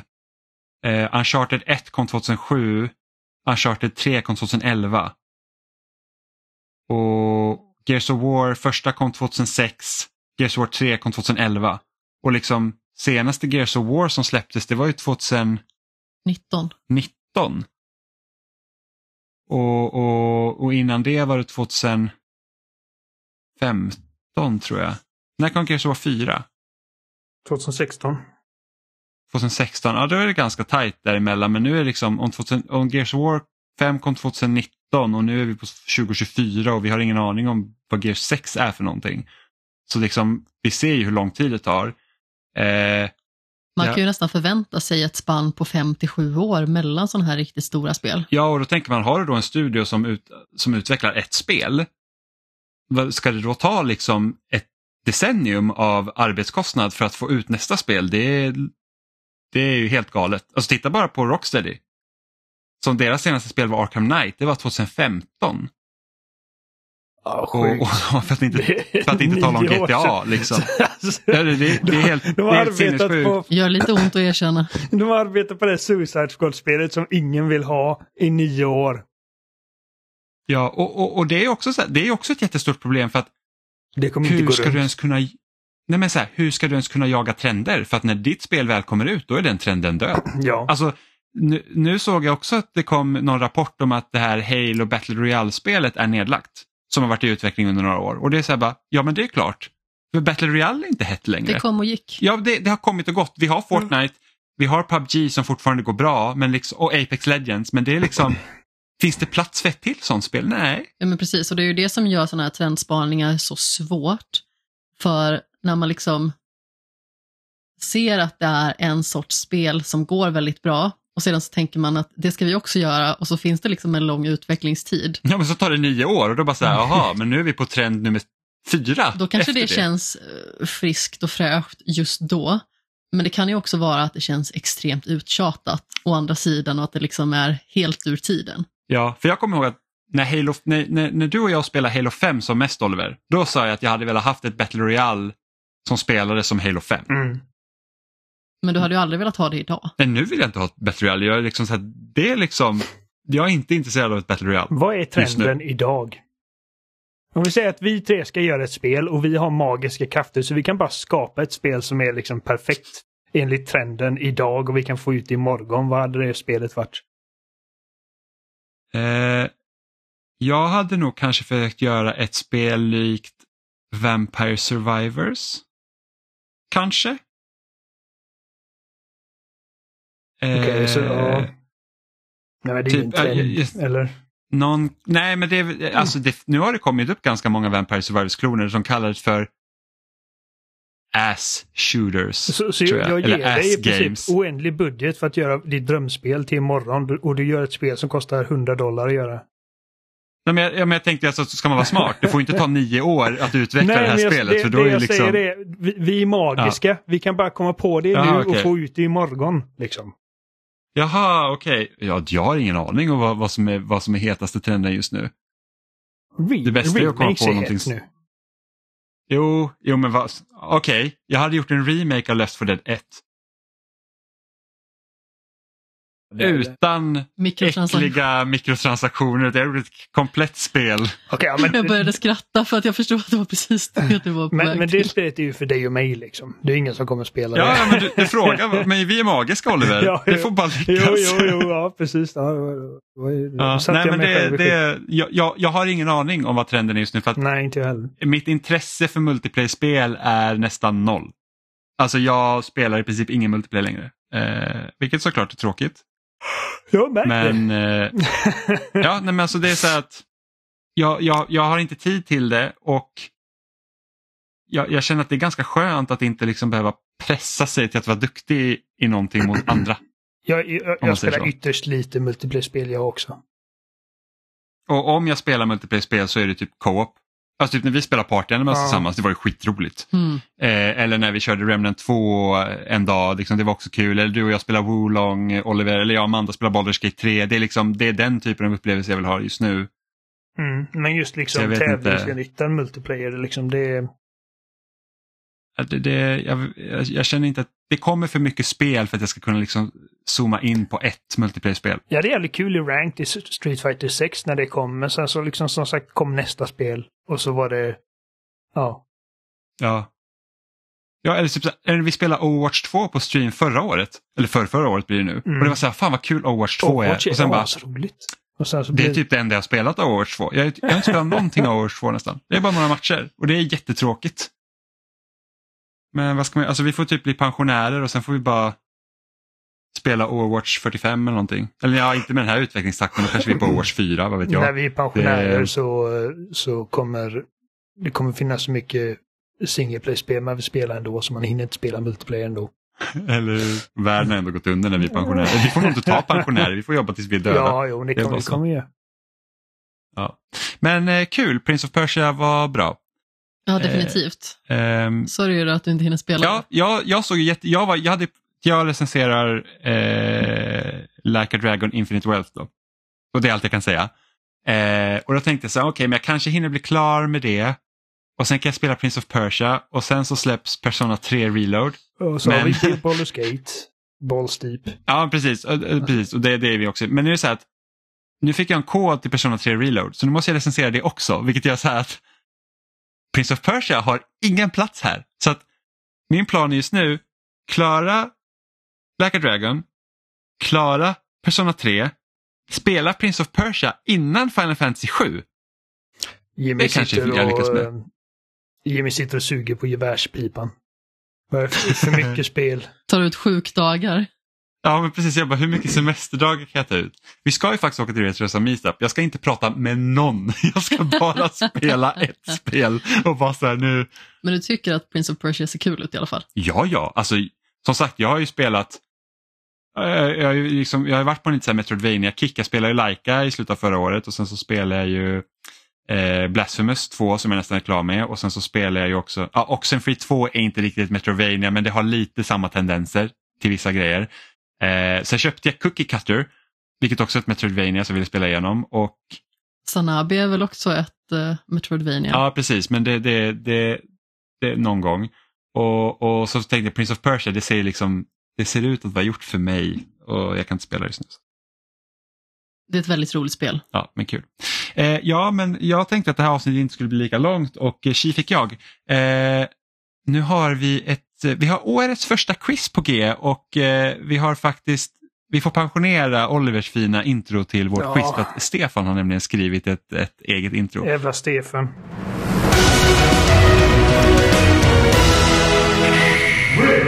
Ja, fy fan. Tar iväg alla mina nöjen i livet. Precis. Vem bad dig komma in här och ta mina... Ja, nu, nu fattas det bara att han ska ta över dina toabesök också. ja. En dag. Vill Eh, du och vi knulla har min gjort fru lite också annorlunda... Stefan eller? och ta din son. Ja. Eh, vi har lite andra regler i år för quizet då för att vi, vi har gjort så att tre frågor per gång. Och det är flervalsfrågor då så då kan vi också öka svårighetsgraden på frågorna. Så behöver vi inte sitta och... Och dessutom öka Ja. sv- svarsfrekvensen lite grann så att det inte går så långsamt. Ja precis, det, det är bara för att vi försöker effektivisera tiden lite så att ni får säga vad ni tycker om det. Men eh, tre frågor i alla fall. Så att eh, är det jag som gör frågor nästa vecka? Ja det är det. Ja, det är det. Eh, ja, men tre frågor och tre svarsalternativ. Så att Amanda, du får eh, börja med dina frågor då. Mm, tack och varsågod. Fråga nummer ett. Vem är kompositören bakom musiken i Nino Kuni, Wrath of the White Witch och Nino Kuni 2, Revenant Kingdom? 1. Nobuo Uematsu. Kryss. Yo Hisaishi. Eller 2. Kenji Hiramatsu. Ja, den kan jag. Ja, ja, ja, jag har aldrig spelat de här spelen. Jag känner igen ett av de namnen för Final Fantasy. Eh, så jag... Men jag vet inte om... eh, Det känns som att om, om en legendarisk Final Fantasy-kompositör hade eh, komponerat musik för Nino Kuni känns det som att jag hade hört det någon gång. Men om Jimmy vet det, kanske det är han. För vilka andra japaner känner du till som gör musik? Ja, Eh, Okej, men Ja, jag gissar då. då. jag- ja, jag, jag säger kryss. Yo Hisashi eller vad hur man Hisashi. uttalar det. Hisashi. Och det är rätt. Fuck. Joe Hisashi är också en legendarisk kompositör för att han är faktiskt kompositören till många av Studio Ghiblis filmer. Precis. Ja. Eh, och anledningen till att jag kommer ihåg att det var Joe Hisashi är för att när vi gjorde spelmusikavsnittet, när vi hade med Nino Kuni-musiken, så, eh, så kunde inte jag uttala det namnet så jag kallade honom för Joe Japan, vilket var liksom Vilket inte är riktigt korrekt att göra. Eh, och så hade vi lite roligt åt det. Så att, eh, därför kommer jag ihåg att det var Joe. Jo, jag vet, men det var så här typ, ja, här kommer Joe. Och så sa jag typ Hiasishi och sen bara, äh, Joe Japan. Och sen gick vi vidare liksom. Så att eh, så ska man inte göra. Eh, man ska lära sig efternamnen så gott man kan. Eh, så att därför kommer jag ihåg, jag bara, det, jag bara, säger hon Joe någonting nu så är det det. Och det var det. Det är viktigt att i alla fall försöka. Jajamensan. Jimmy Finne. Inte Fråga Joe nummer Japan. två. Hur många vidareutvecklingar har Pokémonen Eevee? 1. Sex stycken. Kryss. Åtta stycken. Eller 2. Tio stycken. Åh Jesus Jag, Christ, nu ska, vi- nu ursäkta, jag förstod räkna. inte riktigt. Hur många vidareutvecklingar har Ivy? Eevee. Precis. Ja, just, ja den. Och, och hur många, vad var svaren? Sex, åtta eller tio. Okej, Så- jag har svaret. Uh, uh, måste vara mer än sex. Men jag, jag har ju inte haft, jag har ingen koll på vad, liksom vilka typ moderna IV-utvecklingar det finns sen guld och silver typ. Eh, Jag gissar åtta. Okej. Eh, jag gissade också åtta. Får jag räkna upp dem? Det får du. nu ska vi se. Det är Jolteon, Vaporeon, Flareon, Umbreon, Espeon, Ja, det är de jag kan. eh, Glaceon, Leafeon och sen den där jäkla Mongo Ivin som jag inte kan namnet på. Sylveon. Sylveon, ja precis. som Det ser, alltså med Fairy Type ser helt förjävlig ut. och det är åtta. Ja, det är åtta. Ja, precis. alltså kryss. Ja. Oj, jag, jag svarade inte ens kryss, jag svarade åtta. Men eh, ja, Det är ingen fara. Jag godkänner svaret ändå. jag fattar inte att jag kan alla de namnen, det är helt otroligt. Nej, det är fan riktigt Men man lägger ju sånt på minne ändå. Det är riktigt nördigt. Det finns faktiskt en, eh, jag såg att det finns ett webbspel som är eh, Pokédoku, som är Sudoku fast med Pokémon-typer. Ja, ganska kul. Det Så googla på det om ni är nyfikna och kan Pokémon. Det nya Marvel Snap. Ah, nej, nu ska nu lugna dig. Fråga nummer tre. I Life is Strange True Colors flyttar huvudkaraktären Alex Chen till en ny småstad för att börja om i livet och återförenas med sin storebror. Vad heter staden? 1. Cape May. Kryss. Baileys Harbor. Eller 2. Haven Springs. Okej, jag gissar. Eh, jag har spelat första episoden av första Life is Strange. Um, Grattis! Kan du staden på först, kan du staden nej, i första nej, fan, jag, alltså, jag hade gissat Seattle. För att det är typ grått, grådaskigt och deprimerande. Men... Uh, jag menar, Seattle är väl dock ingen småstad? Nej, det är sant. Ehm, nej, men alltså, nej, men i första spelet tänkte jag. Borde, är de i en småstad där också? Ja, Ja, jag kommer inte ihåg. Skitsamma. Jag, jag, jag gissar eh, eh, eh, kryss. jag gissar två. Och två är rätt, Ja. Haven Springs. De andra två är småstäder i USA. Oj, oj, oj, här har man gjort sin research hör jag. Det har jag faktiskt. Eh, jag kan ju säga att eh, staden i första Life is Strange är Arcadia Bay. Ja, just det. Ja. Ja, men vad kul. Jag ville bara säga det om småstäderna, så det är liksom inte att jag har hittat på massa namn, utan de finns faktiskt på riktigt. Springfield, Springfield och Springfield. Det finns jättemånga Springfield i USA. Då har vi, Jättemånga eh, lustiga stadnamn. Då har vi Jimmy. För att nu, nu börjar, vi om, börjar vi om liksom, så vi ligger inte på poängen. Ja. För att då, då hade jag bara vunnit. Um, jag måste ge den en chans. Jimmy fick tre poäng. Jimmy, fi- Jimmy fick tre poäng och jag fick en poäng. Och Ja. nästa vecka är det Jimmy som gör. Skoj. I år ska jag vinna både Fantasy Critic och våra quiz. Ja, quizet kanske du vinner, men eh, under all kritik kommer att ta hem Fantasy Ja, Critic. alltså tittar man på estimeringen i poängen så leder jag med råge. Estimering Ja, säger ju ingenting. Det gäller ju att prestera. Då fick spel. Jag Bara- var smart. Bara tog eh, liksom de, de givna. Hörru du, du köpte Indiana Jones. Ja, Men jag hade lagt jag. en dollar på det. Men så du, så du, men du la alltså bud innan du såg att buden hade gått upp eller? Ja, jag bara la ett bud och så kollade jag idag och jag såg att jag hade fått det.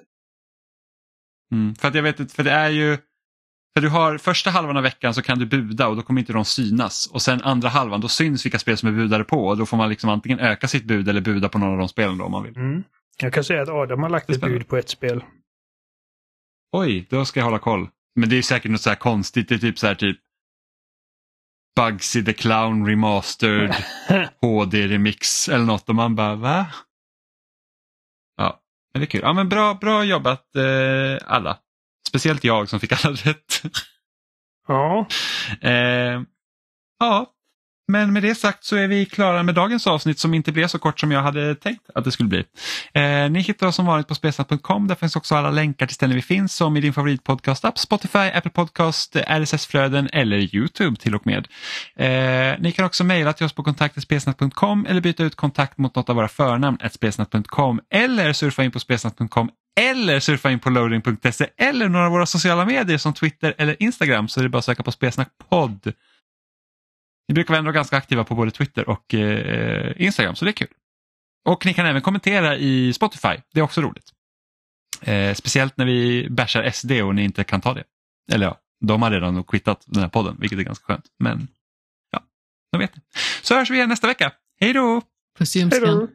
Jävla Stefan. Kuma.